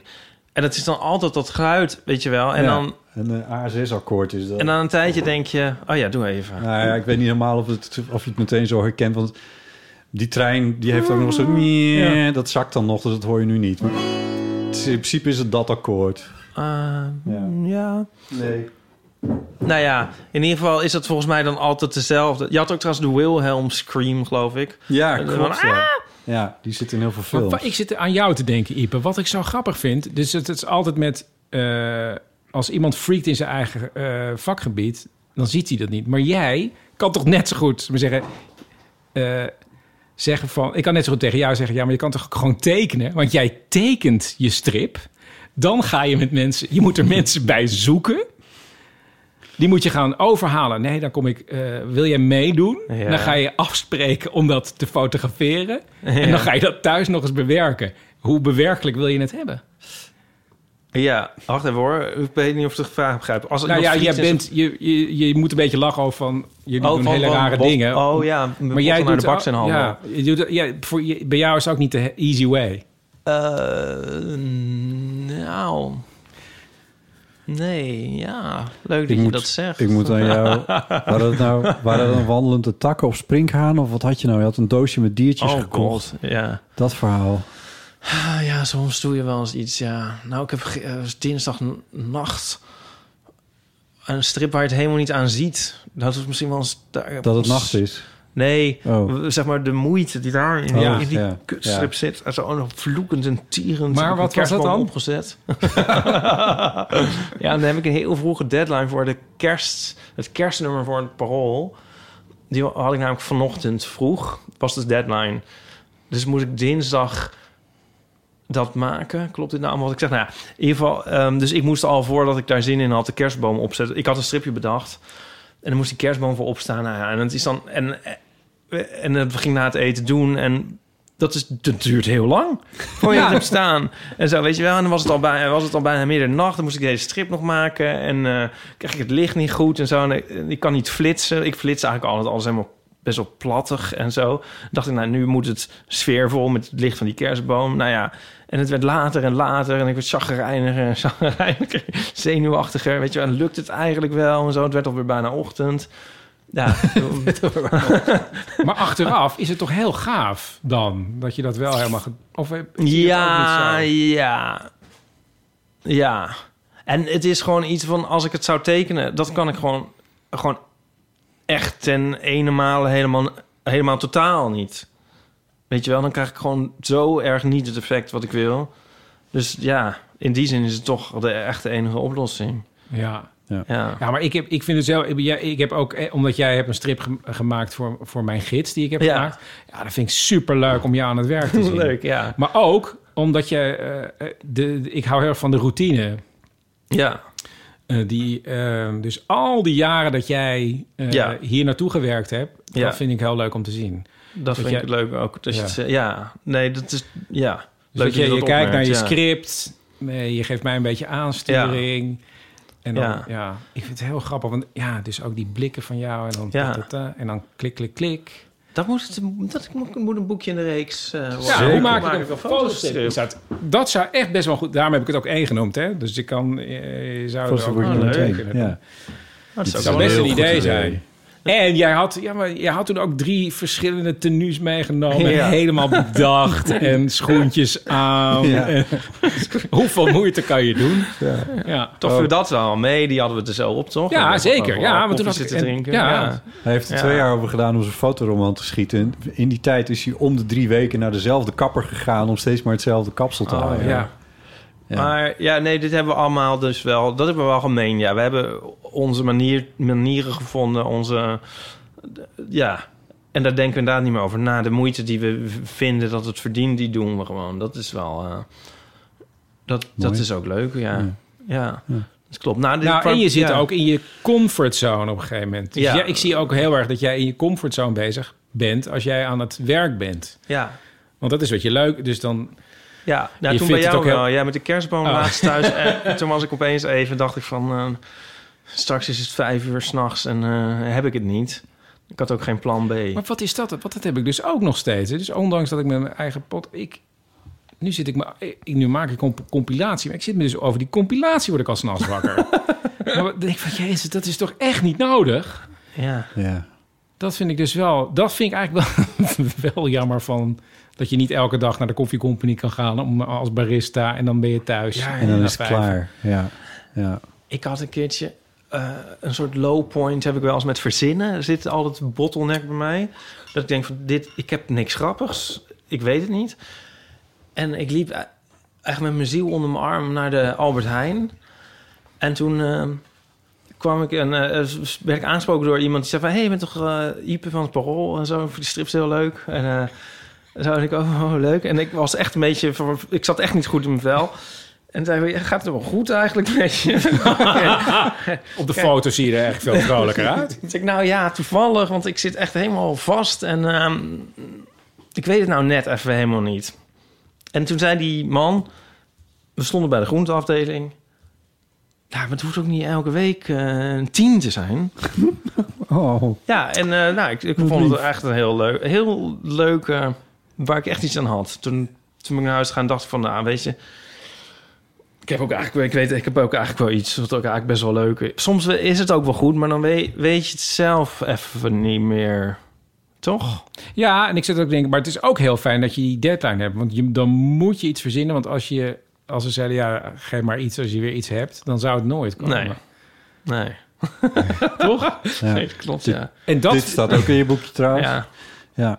Ja, je moet jezelf altijd in de val lokken. ja.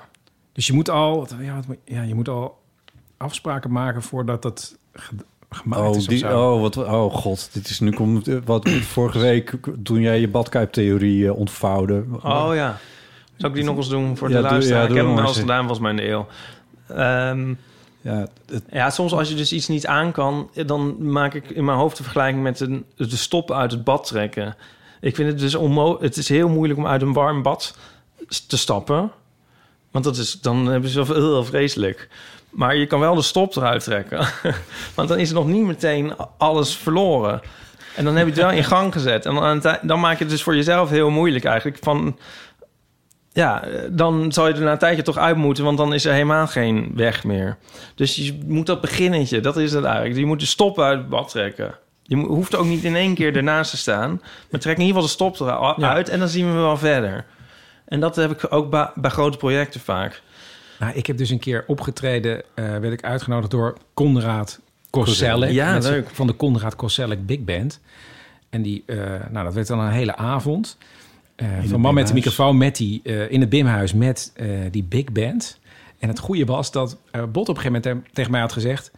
Konrad werkt behoorlijk tegen de deadline Ja. aan. Maar het komt altijd goed. En omdat Botte dat gezegd had, dacht ik... oh ja, ik, eh, ik herken daar misschien wel iets in... zoals ik vroeger werkte, nu minder. Maar... En het was ook echt zo. Maar het grappige was, omdat Botte dat gezegd had... zag ik overal gewoon echt ja, toch wel redelijke chaos... zo vlak voordat het begon... Want er moesten nog wat dingen. eh, En dan ga jij ongeveer dat spelen als dit komt. Ik denk, nou, Botte zegt dat het goed komt. en eh het schijnt ook dat die Conrad in de allerlaatste dagen... s'nachts nog eh, Ja, klopt, eh, arrangementen schrijft. Ja. Nou, dat was fantastisch wat dat was, die avond. Maar hij heeft ook een zo mooi... hij heeft dus een arrangement geschreven op gezang 463... wat mijn vader altijd op zijn kerkorgel speelde thuis. Ja, dat is briljant gewoon. Voor trombone zo goed. Ja, hij schrijft ook die, de, hij is ook arrangeur voor het eh, nieuwjaarsconcert van het NBA. Dus hij kan wel schrijven voor blazers, zullen we maar zeggen. Ja. Ongelooflijk, ja. Maar dus echt pats op die deadline... en al die muzikanten zo heel strak. Eh, weet je wel, van, ja, nu moet het gebeuren. Ja. En die adrenaline is ook wel heel gaaf om te zien. Ja. Weet je wel, dat Ja. het gewoon niet al drie weken op de plank ligt. Nee, Ik hou er wel van. Ja. Dan moet het Ja. gebeuren. Ja. ja. Is er ooit wel eens iets mislukt bij jullie? Nou, ik bedoel mislukt ook qua deadline. Van dat is Oh. gewoon eh, zo van... eh, en dan schakelen we nu over naar een reportage van Botte Jellema. En dan... eh, piep. Ik heb één, ja, ik heb één keer iets teruggetrokken. Ja. Zo vlak voor de vakantie. Dat was ook eigenlijk heel slecht. Dus had ik gedaan. Dat was echt, nou, ik denk 25 jaar geleden of zo. Was ik nog niet zo lang verslaggever. En toen was ik, wilde ik eigenlijk al op vakantie. Maar dan zou ik toch nog één interview doen. En ik merkte aan mezelf dat ik gewoon niet geconcentreerd genoeg was.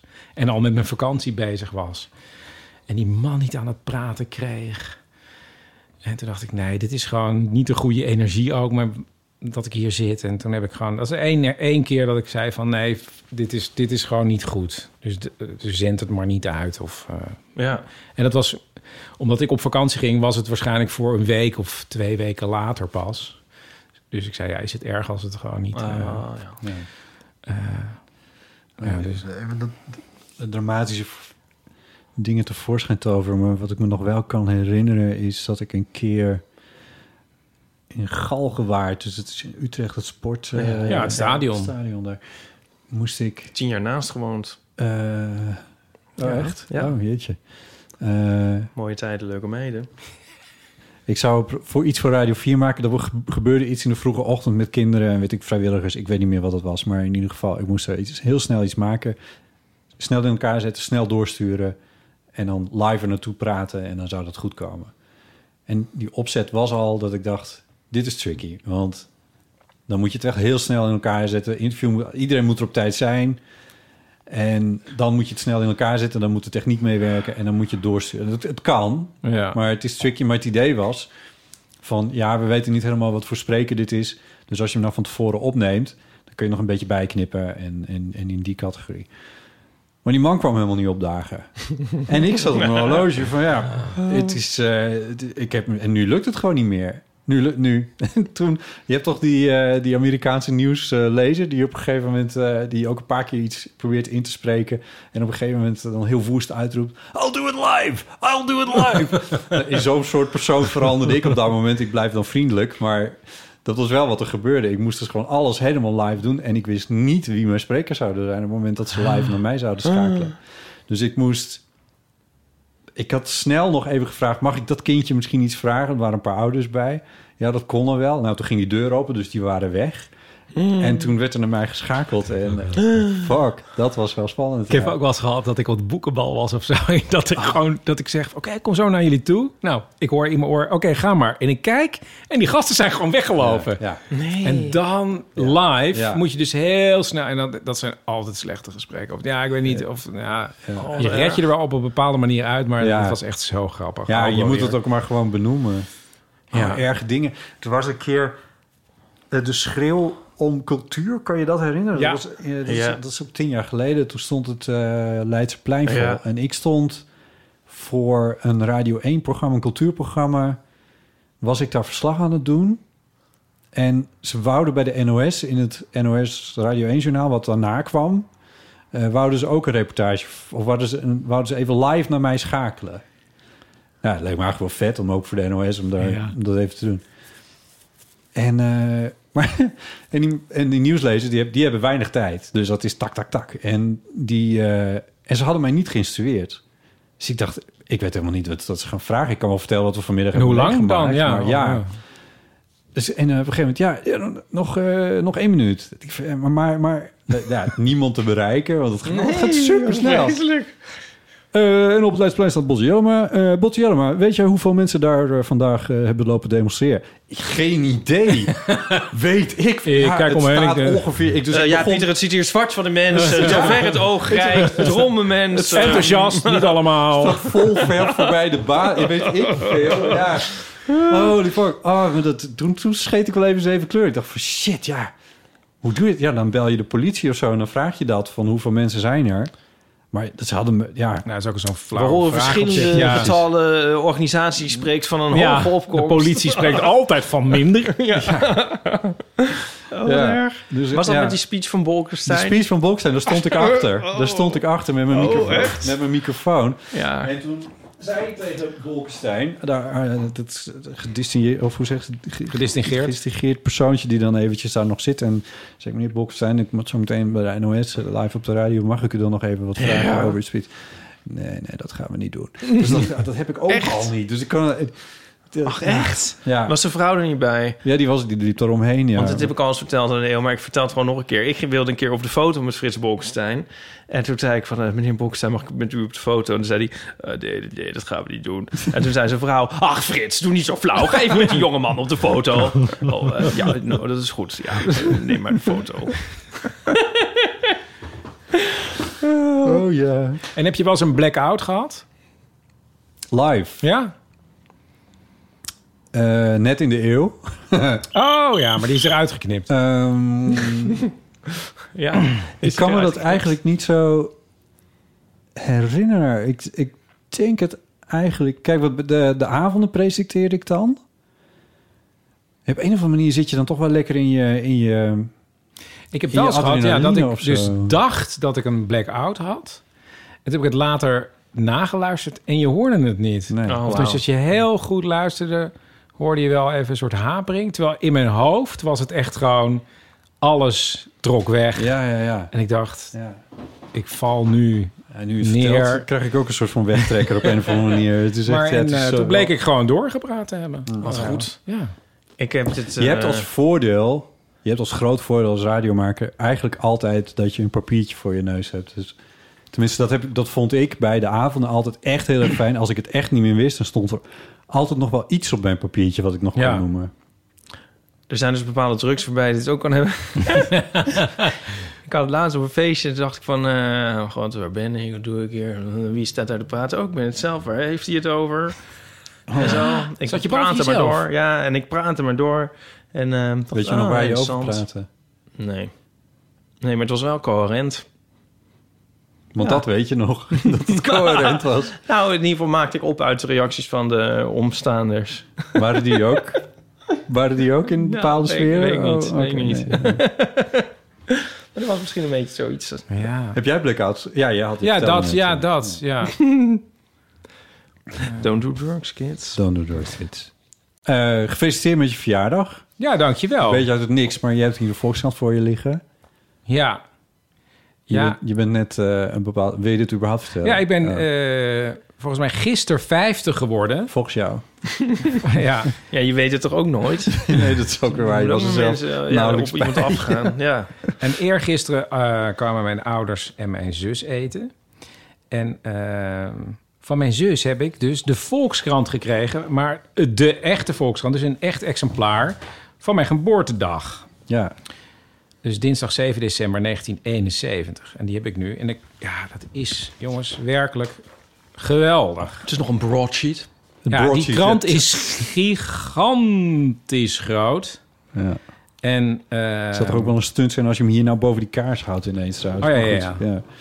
Ehm, en het is, ja, ik heb er dus, ja, je kan er uren in, in, in, in, bladeren. En ik merkte ook alweer aan mezelf dat die, ja, je denkt van, ik moet naar het grote nieuws kijken. Maar ook daar heb ik dan niet heel veel affiniteit mee. En vind ik het vooral heel leuk. India erkent Bangladesh. Bangladesh, oké. Ja, India erkent Bengalen. Bengalen. Ehm, en ja, dus ik heb er een hele tijd doorheen zitten bladeren. En wat ik, wat, het eerste wat me opviel, dat ik dacht, oh ja, want Paulien schrijft natuurlijk gewoon altijd een column op de voorpagina. Ja. Nou, dat, die staat er niet.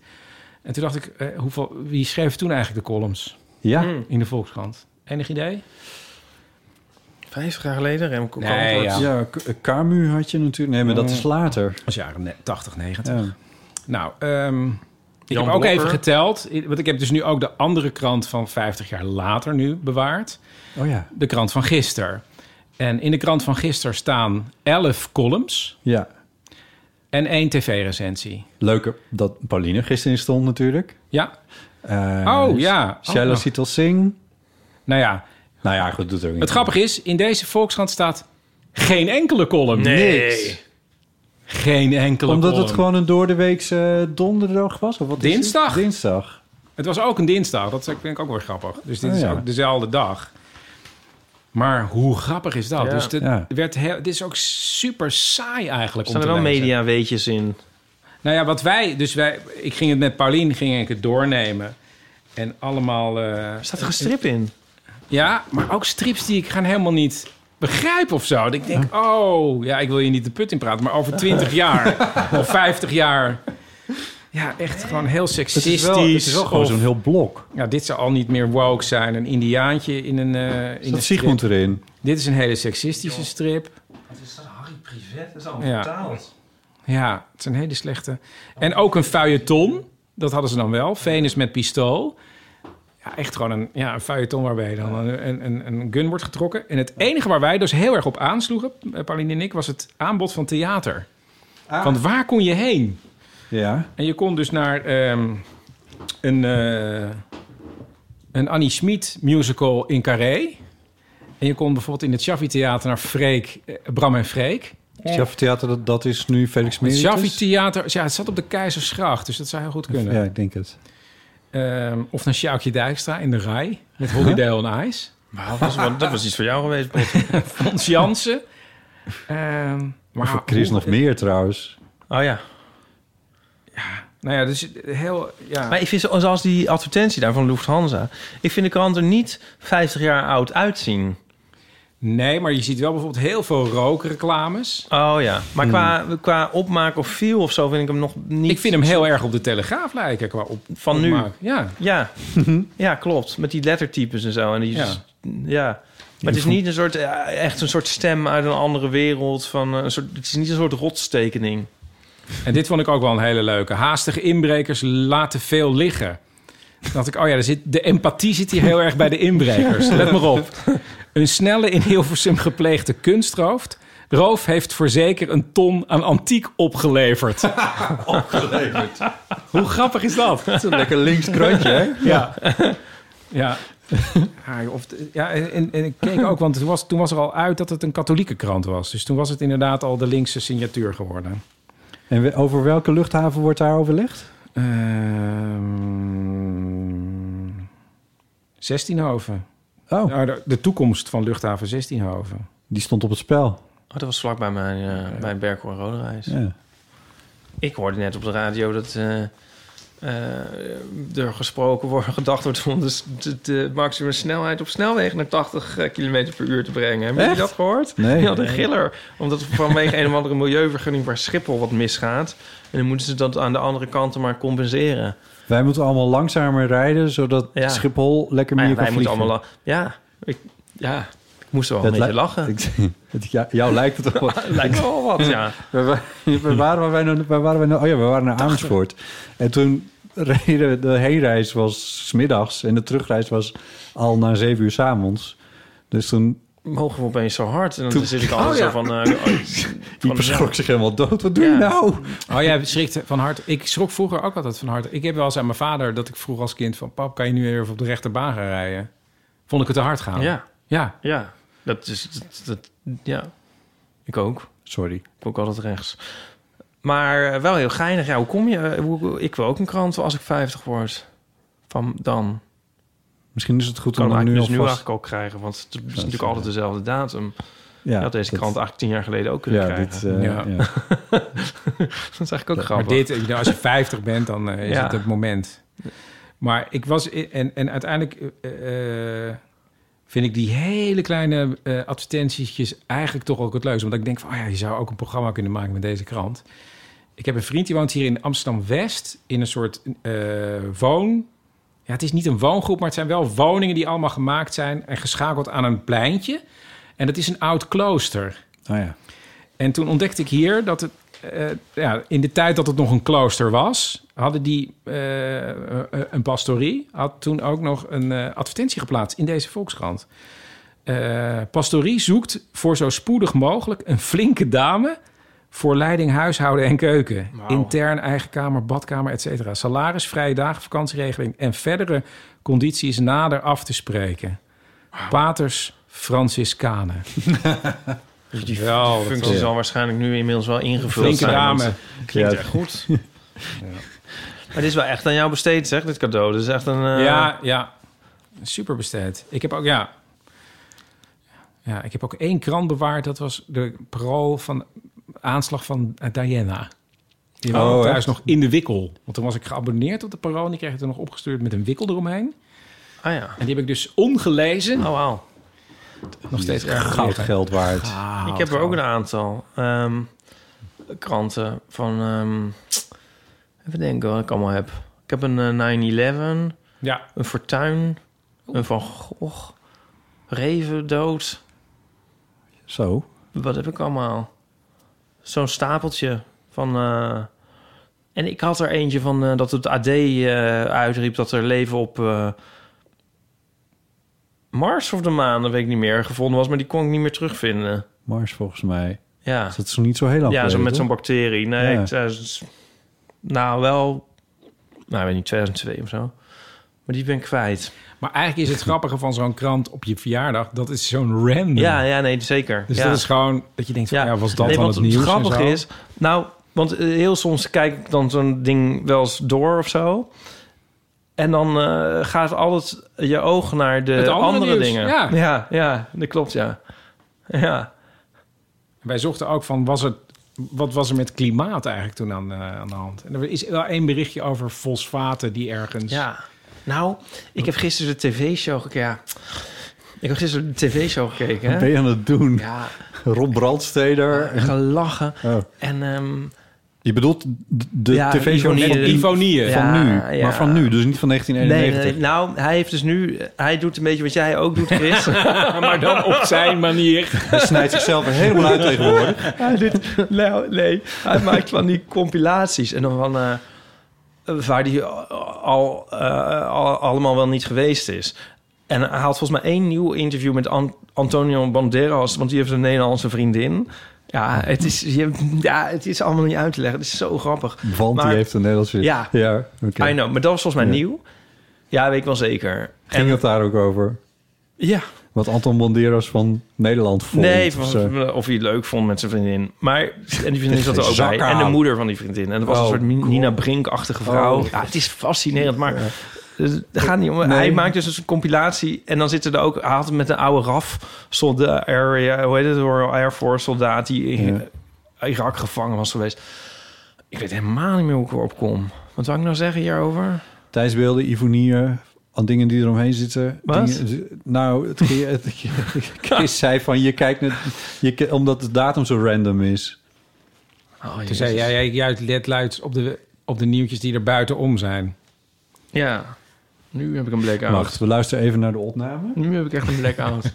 Wat wou ik hier nou mee zeggen? Nou, zal ik dus iets... eh, Ivonie heeft mijn grote respect. Want ik, spra- ik heb een... eh, Ook duizend jaar geleden sprak ik een hele rare infomercial-achtig programma in voor SBS 6. En daar Echt? moest ik een voice-over voor doen. Ja, volgens mij Zilveren Kruis Achmea heeft de verzekering die bij u past. Maar ook gewoon met, eh, ja, gewoon allemaal eh, interviews met mensen. En in de studio daarnaast kwam Ivonie binnen om zijn voice-overs in te spreken. En die deed alles in één take. Nee. Ja. En dan liep hij weer weg. En dan zei die jongen die achter de knoppen zat... Ja, Dat is Ivo. dat is Ivonie. dus die man heeft in mijn hoofd toch wel echt... Oh shit, maar ik weet niet meer wat ik wil zeggen. Wat erg. Kun je het echt terugspoelen? Nou, weet je wat ook, ja, wat ook zo grappig was? Ik, ik weet nu wel alles van die uitzending nog. David Hasselhoff was er. En toen zei hij van dat dat een soort diva was. Oh nee, dat ging over Cher. Oh, nou, sorry. Nee, ik ben, eh, nee, ik ben nu echt helemaal in de war. Ja, Cher... Cher was... Hij ging Cher interviewen en dan zag je Ivonie... zag je een soort stukje... Je hebt nu alle sterren van 1995 opgenoemd. ehm, dat jullie niet gekeken hebben, dat snap Ja, ik dat niet. Ik snap even dat jullie niet gekeken nee, hebben. nee, dat snap ik dat het gek is. Nou, ik, ben, ik weet niet meer waar, waarom ik het wil zeggen. Want het was wel leuk. Ja. Ja. Misschien kom ik er nog op. Misschien moet jij even op je blaadje kijken dan nu. Ja. Is dat zo'n moment? Kijken wat erop staat. Ja. Eh, one small step. Zullen we gewoon one small step doen? Is dat niet leuk? Ja, ja maar ik ben nu heel erg blokkeer ik op... eh dat ik niet meer weet wat ik Ik trek je zeggen. eruit. We gaan one, one small step doen. Ja, is goed. Oh, dat wilde ik ook al heel lang. Zit ook nog in mijn cache. Kun je ook op anderhalve of twee keer snelheid monteren? De derde is het. De derde van Ja, het is de derde. Ja. Ik had hem ook, dank je. Dat je Eh, podcast wel sneller luistert, sommige mensen. ja, dat kan. Dat doe ik ook. Oh, dat doe je ook? Ja. Ah ja. Tenminste, de ruwe montage. De Ja. echte, dat kan natuurlijk niet. Maar Want eh Lieven, die eh, had vorige keer geluisterd... en die zei dat eh Bob Dorian, hij luistert altijd op twee keer. En dat, ik had de vorige keer een liedje van mezelf. Ehm, en hij zei wel, het klinkt als een soort heavy hard, 90s hardcore. ja. ja. Oké.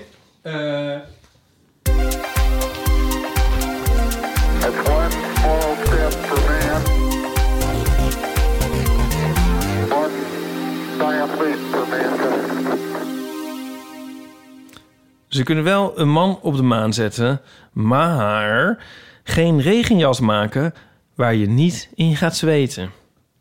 Ja. Ja. En dit leeft heel erg onder de luisteraars, want deze kregen we Ja. twee keer. Oh, Ja. ja. Deze eerste was van Victor Winter. Die was het eerst. Ik weet alleen niet of het helemaal waar is. Mm, nee. Het is, eh, ik zou zeggen uit eigen ervaring, uit- in mijn omgeving, dat het echt waar is. Ik was een keer met Paulien in Engeland, waar het altijd regent. En toen waren we in de mooie stad Bath. En toen is In het Paulien zuiden. in een peperdure eh, kledingzaak een, een regenjas gaan kopen. Die heeft ze nog steeds. En in die regenjas stond...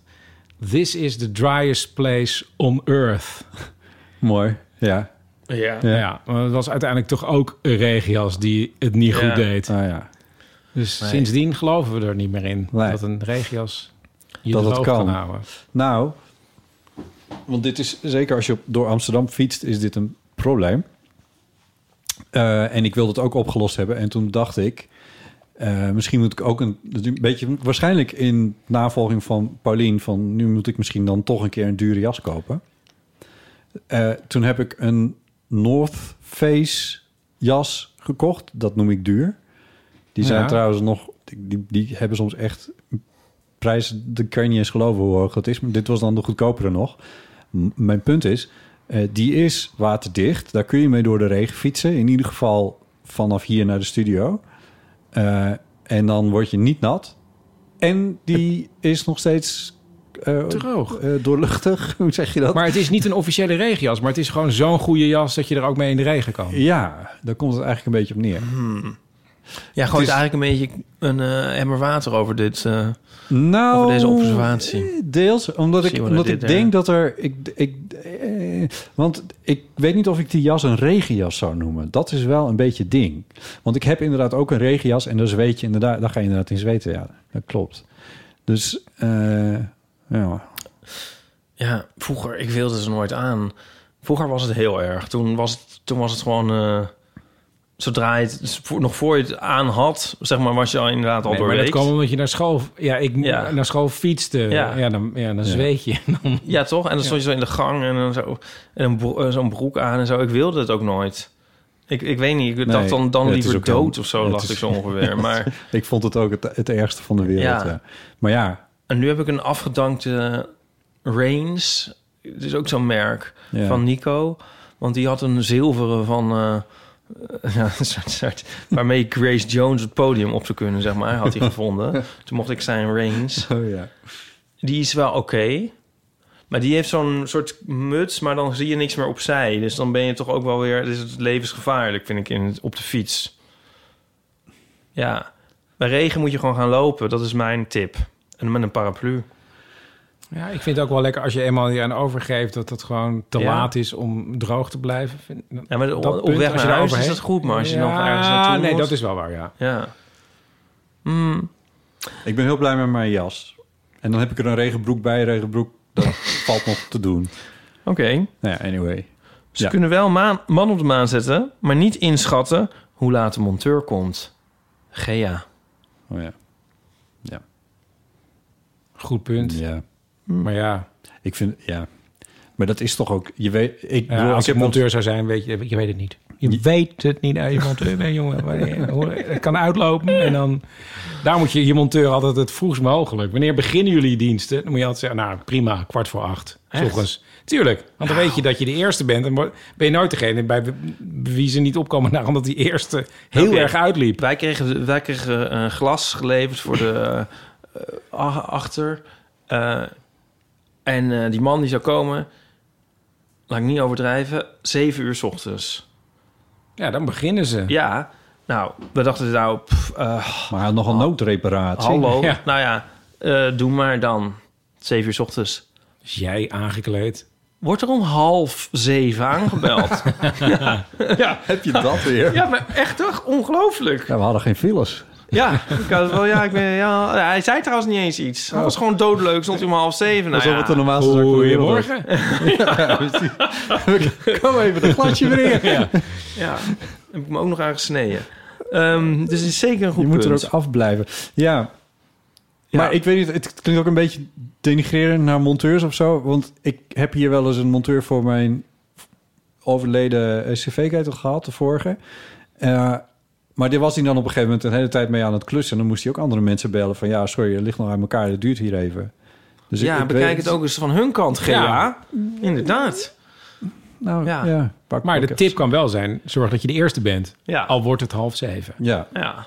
blijf eh, gewoon de nacht doorhalen en dan, eh, dan heb je je glas of whatever. ja, doen we nog eentje en dan mogen jullie, mogen jullie daarna kiezen. Yes. Dus we kunnen wel een man op de maan zetten, maar niet een verpakking afbak shawarma broodjes maken met een handig aantal broodjes. Op een of andere manier verkoopt elke supermarkt verpakkingen van vijf, uitroepteken, uitroepteken, uitroepteken, stuks. Jumbo niet. In welke gezinssamenstelling is dit een makkelijk aantal? Bij die Jumbo, ik weet Zegt niet, omdat jullie het vorige keer ook al over die... Ik denk, misschien kan je die als Ja. adverteerder nu binnenhalen. Ja.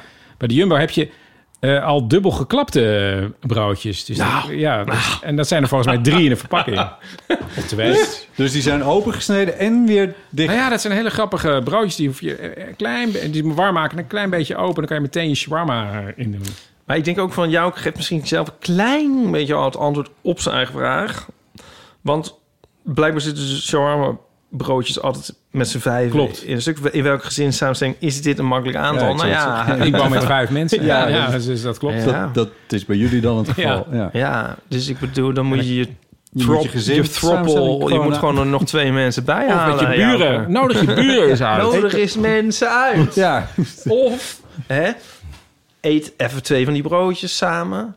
Volgende dag nog. En dan Ja, de dag je daarna, als je niemand oplet, dan neem je die laatste. Dan neem je net zo- Ik zei delen, maar Ja, eh, kan ook. Ja, Ja, Vegetarische zwarm, hè, dat dan weer wel. ja. Dus, ehm nou, wie wint er deze week het eh felbegeerde, mogen we wel zeggen. Ja. Eeuw van de amateur kaartspel. Ehm, Is dat Victor met eh, zijn regenjas?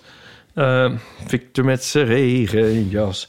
Is het eh Gea met de monteur of is het Jouke met de shawarma broodjes? Ik vind dat toch... Ja, mag ik kiezen? Ja. Ik vind de shawarma broodjes. Vind ik ook. Ja. Oké. Oh, de shawarma broodjes. Sorry. Ja. Nee, echt? Vind je dat goed? Ja, vind ik echt Waarom? goed. Nou, dacht iedereen vraagt zich... zeggen. Nee, iedereen op. vraagt zich al die regenjas af. Ik vind die shawarma broodjes vind ik origineler. Oh, oké. Nou, en dan dus- zie ik ook meer gewoon iemand in Ja. de supermarkt.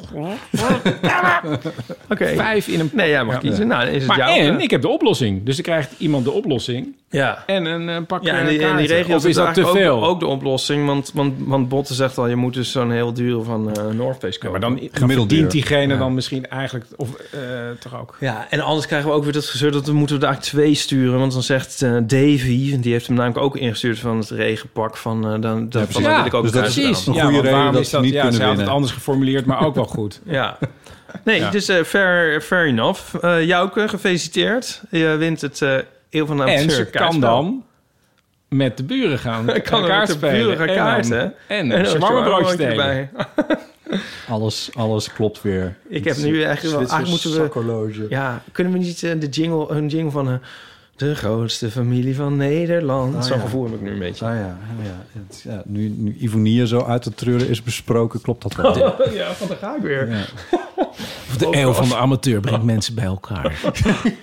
Ja. En dan mag ik ook even nog deze rubriek doen. Eh, ja, hier ga je gang. Ik weet niet wat je zoekt. We hebben te veel. We hebben te veel.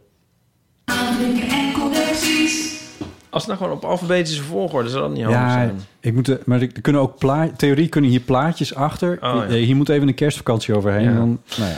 Anyway, uh, aanvulling en correcties. Want eh, we hadden een ehm, Titanic-aflevering voor de vrienden van de show. Ja. Ja, jij kijkt heel moeilijk. Van, Nee, ik ja, weet ik dacht niet, ja. Ik, ik- ja. Ehm, nou, ik moet dat toch ergens rechtzetten. Ik heb het de hele tijd over Jeremy Irons. Irons. Dat Ja. is niet Jeremy Irons. ik zeg ook al elke keer van, is het Jeremy Irons? Ik zeg dan Jeremy, Ja. Jeremy Irons. Ja. Dan kom ik wel uit mijn woorden. Ik, ja, nou, het is dus niet Jeremy Irons. Ik zat heel veel te googelen tij- tijdens die eh, aflevering, maar dat niet. Nee, dus ik zal ook nog even zeggen wie het wel was. Het is eh, David Warner. En die kennen we natuurlijk allemaal uit ehm, Star Trek. Want in Star Trek 6 speelt hij Chancellor Gorkon. En hij speelt ook eh, een aflevering in de Next Generation... speelt hij eh, Gul Madret, de Kardashian. Oké, Nou, nog steeds geen beeld. ja, eh, dat was het. Oké, Dus even voor onze rubriek. ja. Aanvulling en correcties. En dan denk je van de Titanic-aflevering... die heb ik helemaal niet gehoord. Kun je die nog ergens Kan luisteren, jongens? En is dat makkelijk? En hoe werkt dat dan? hoe werkt het Botten? dan? Kost me dat heel zo. veel geld of is het gewoon steunen en dan... Is het gewoon een beetje... Het is al geweest, maar kan Ja, het alsnog? je kan het nog steeds doen, maar misschien denk je van... er komt een enorme kerstvakantie aan, wat moet ik dan in vredesnaam doen? Dan kun je dus met ons de Titanic kijken. Het enige wat je hoeft te doen is vriend van de show te worden... Mooi. eh, Titanic op te zetten op Disney Plus of even te downloaden of je dvd'tje van zolder te halen. En ehm, dan kun je met ons commentaar daarvan genieten. Drie uur en een kwartier puur luisterplezier. En ehm, dat voor maar 2,50 per maand? Ja, tuurlijk. Ja, Even. maar ik kan nog mooi vertellen. Want, wat is het vandaag? Het is vandaag de 8 december. 8e. Ja, maar als we dus live zijn, vandaag eh, 10, is het 10 december. Dan publiceren we deze, ja? Ja, en ehm, dan Ja. Dan kun je vriend van de show worden. En krijg je tijdelijk, ik weet niet hoe lang dat duurt. Twee eigenlijk. weken. Twee weken. Krijg je er een, een weggeefabonnement bij. Oh mijn god, nou je bent echt een diep van je eigen levensgeluk Ja. als je dit niet doet. Dus je wordt dan zelf vriend van de show. Maar dan mag je dat ook nog eh, iemand anders daar een plezier mee doen. Ja. En nou, Ja. nou, nou brandt de vraag op ieders lippen. Zou je dan een lidmaatschap van de op eh, man met de microfoon cadeau kunnen geven? Dat Eh, dan moet je dan... Die vraag branden niet op iemands lippen, maar dat maakt niet uit. Dan kan gewoon iedereen beluisteren. ja. Het idee is dat je van dezelfde podcast Ja. anders nog ja, dus jij wordt vriend van de, van Ja. de show van Eeuw van Amateur. man en dan, de microfoon hier Nee, man, ik doe niks achter een betaalmuurtje. Oh, ja. Nou, wij wel. Ehm, nee, dus dan kun je dat aan iemand anders eh, cadeau doen. Ehm, eh, die kun je dan zeg maar introduceren in Ja. onze bijzondere wereld. Ja, dat eh, geldt voor jaarabonnementen. En eh, die, als je die tussen 10 en 24 december neemt... dus als je dan voor een jaar vriend wordt... dan krijg je gratis een tweede jaarabonnement op dezelfde show... om bijvoorbeeld cadeau te doen aan, aan je partner... of aan je moeder of aan je collega of Ja. Ivonie. Aan die- en dan kun je dus Titanic kijken met ons... en dan kun je mij de hele tijd, als David Warner in beeld is... horen zeggen, oeh, Jeremy Irons. Weet je wat je dan zou kunnen doen? Dan geef je dat cadeau aan je partner... en dan ga je met je partner Titanic kijken... en dan moet je eerst die podcast samen sync aanzetten... nou ja. en Ja, dan moet je de film nog sync zien te krijgen. Ja. Ja. What could eh, possibly go wrong? Ehm, ja, of je zet het podcastje gewoon op de speaker. Hè? Wil je ook weten wie je nieuwe vrienden zijn geworden in de afgelopen Nou, periode? laten we dat ook maar doen. Het wordt echt een, heel, eh, het wordt een hele administratie hè, op We deze hebben nu, manier. nou, weet je wel, vriendvandeshow.nl slash eeuw. Eh, en daar zijn een paar mensen naartoe gegaan. In het totaal zijn het nu ze- eh, 517 vrienden. Maar het gaat wel echt heel goed. Ja, heel Maar goed. mensen zijn ook helemaal dol enthousiast over die Titanic. Oh, ik zeg het nog maar eens een keer over die Titanic aflevering. Dus echt Ja. de, de must listen van, eh, van het jaar. Ja. Eh, en die nieuwe vriend is bijvoorbeeld Joost, Hanna, Martijn, Rolien, Lineke. Audrey. eh, en Moet ik weer aan Ivonie denken. Audrey, Audrey Hepburn. Hepburn. Dat is geen afweg. Ook gisteren. Audrey Hepburn. Die was er weer hoor. Met je sigarettenpijpje. Ja.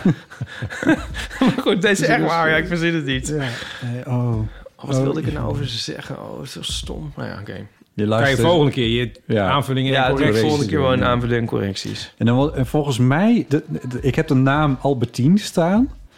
Maar volgens mij was er ergens een berichtje dat ik half had gezien dat het dan om de zoon van Albertine ging. Maar hoe die nou heette, dat weet ik dus niet. Maar die moesten we dan noemen. Ja, nou ja, goed. De zoon van Albertine. Ze moeten even mailen naar botten.eeuwvanamateur.nl en dan kan ik het volgende keer herstellen. Nou, in ieder geval de zoon van Albertine. Jouke en Margot. Dat is van de gezamenlijke rekening gegaan. Eh, Bas, Schoonheid. Jet, Marieke. Diederik, Maartje. Bert. En Vivian Hartlief. Dat is wel echt ook wel een heel mooie naam trouwens. Ja. Vivian Hartlief. Ja. Nou, ehm, oké. Eh, zijn er nog andere dringende onderwerpen die we moeten bespreken? Want we zijn onderhand ook alweer een eh, ruim anderhalf uur onderweg. Nou, ik, wat ik eigenlijk vind, wat we al die hele tijd gedaan hadden moeten doen... is even deze jingle afspelen.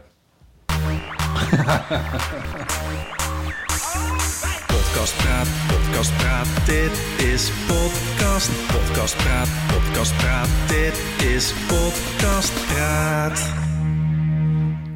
Wil jij niet, wil jij niet jingeltjes hebben in, eh in Man met de microfoon?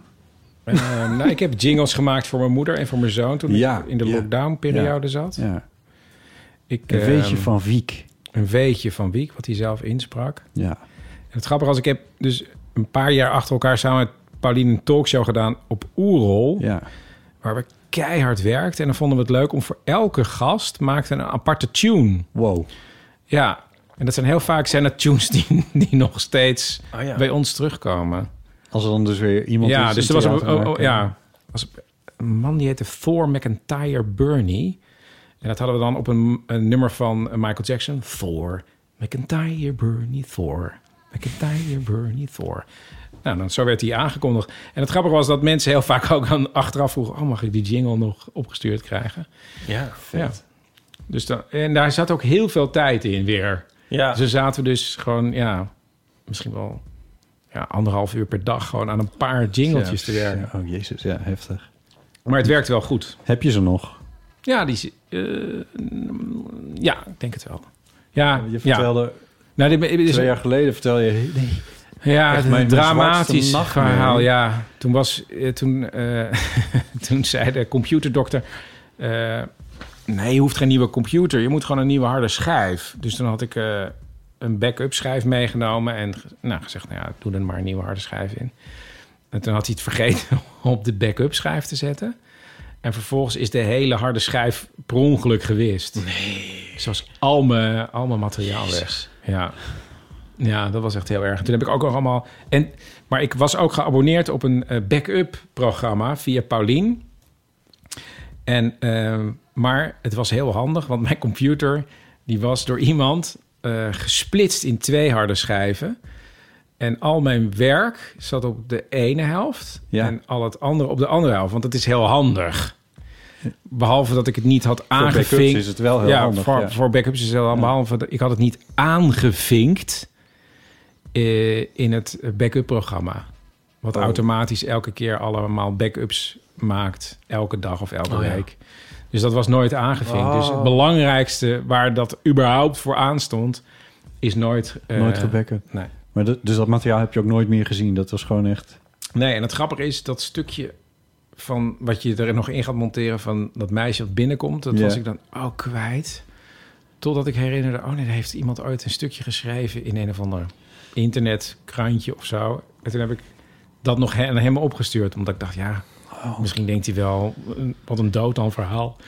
En dan ben ik wel heel blij omdat ik dat, dat, dat nog Dat heb. heb je dan nog. Oh, Ja, maar er is heel veel verdwenen. Ja, dat is echt een nachtmerrie. ja. Ja.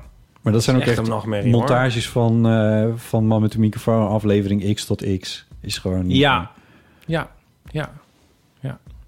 De eerste twee, drie jaar zo zijn allemaal. Ja, dus het volgens enige mij- wat ik nog heb is de, gewoon de hele aflevering. Is het niet ook ergens een soort Nee. zegen? Nee. Nou, ja, dat probeer je dan te zeggen, maar dit is, ja, eigenlijk niet. Want je, de aflevering heb je nog wel.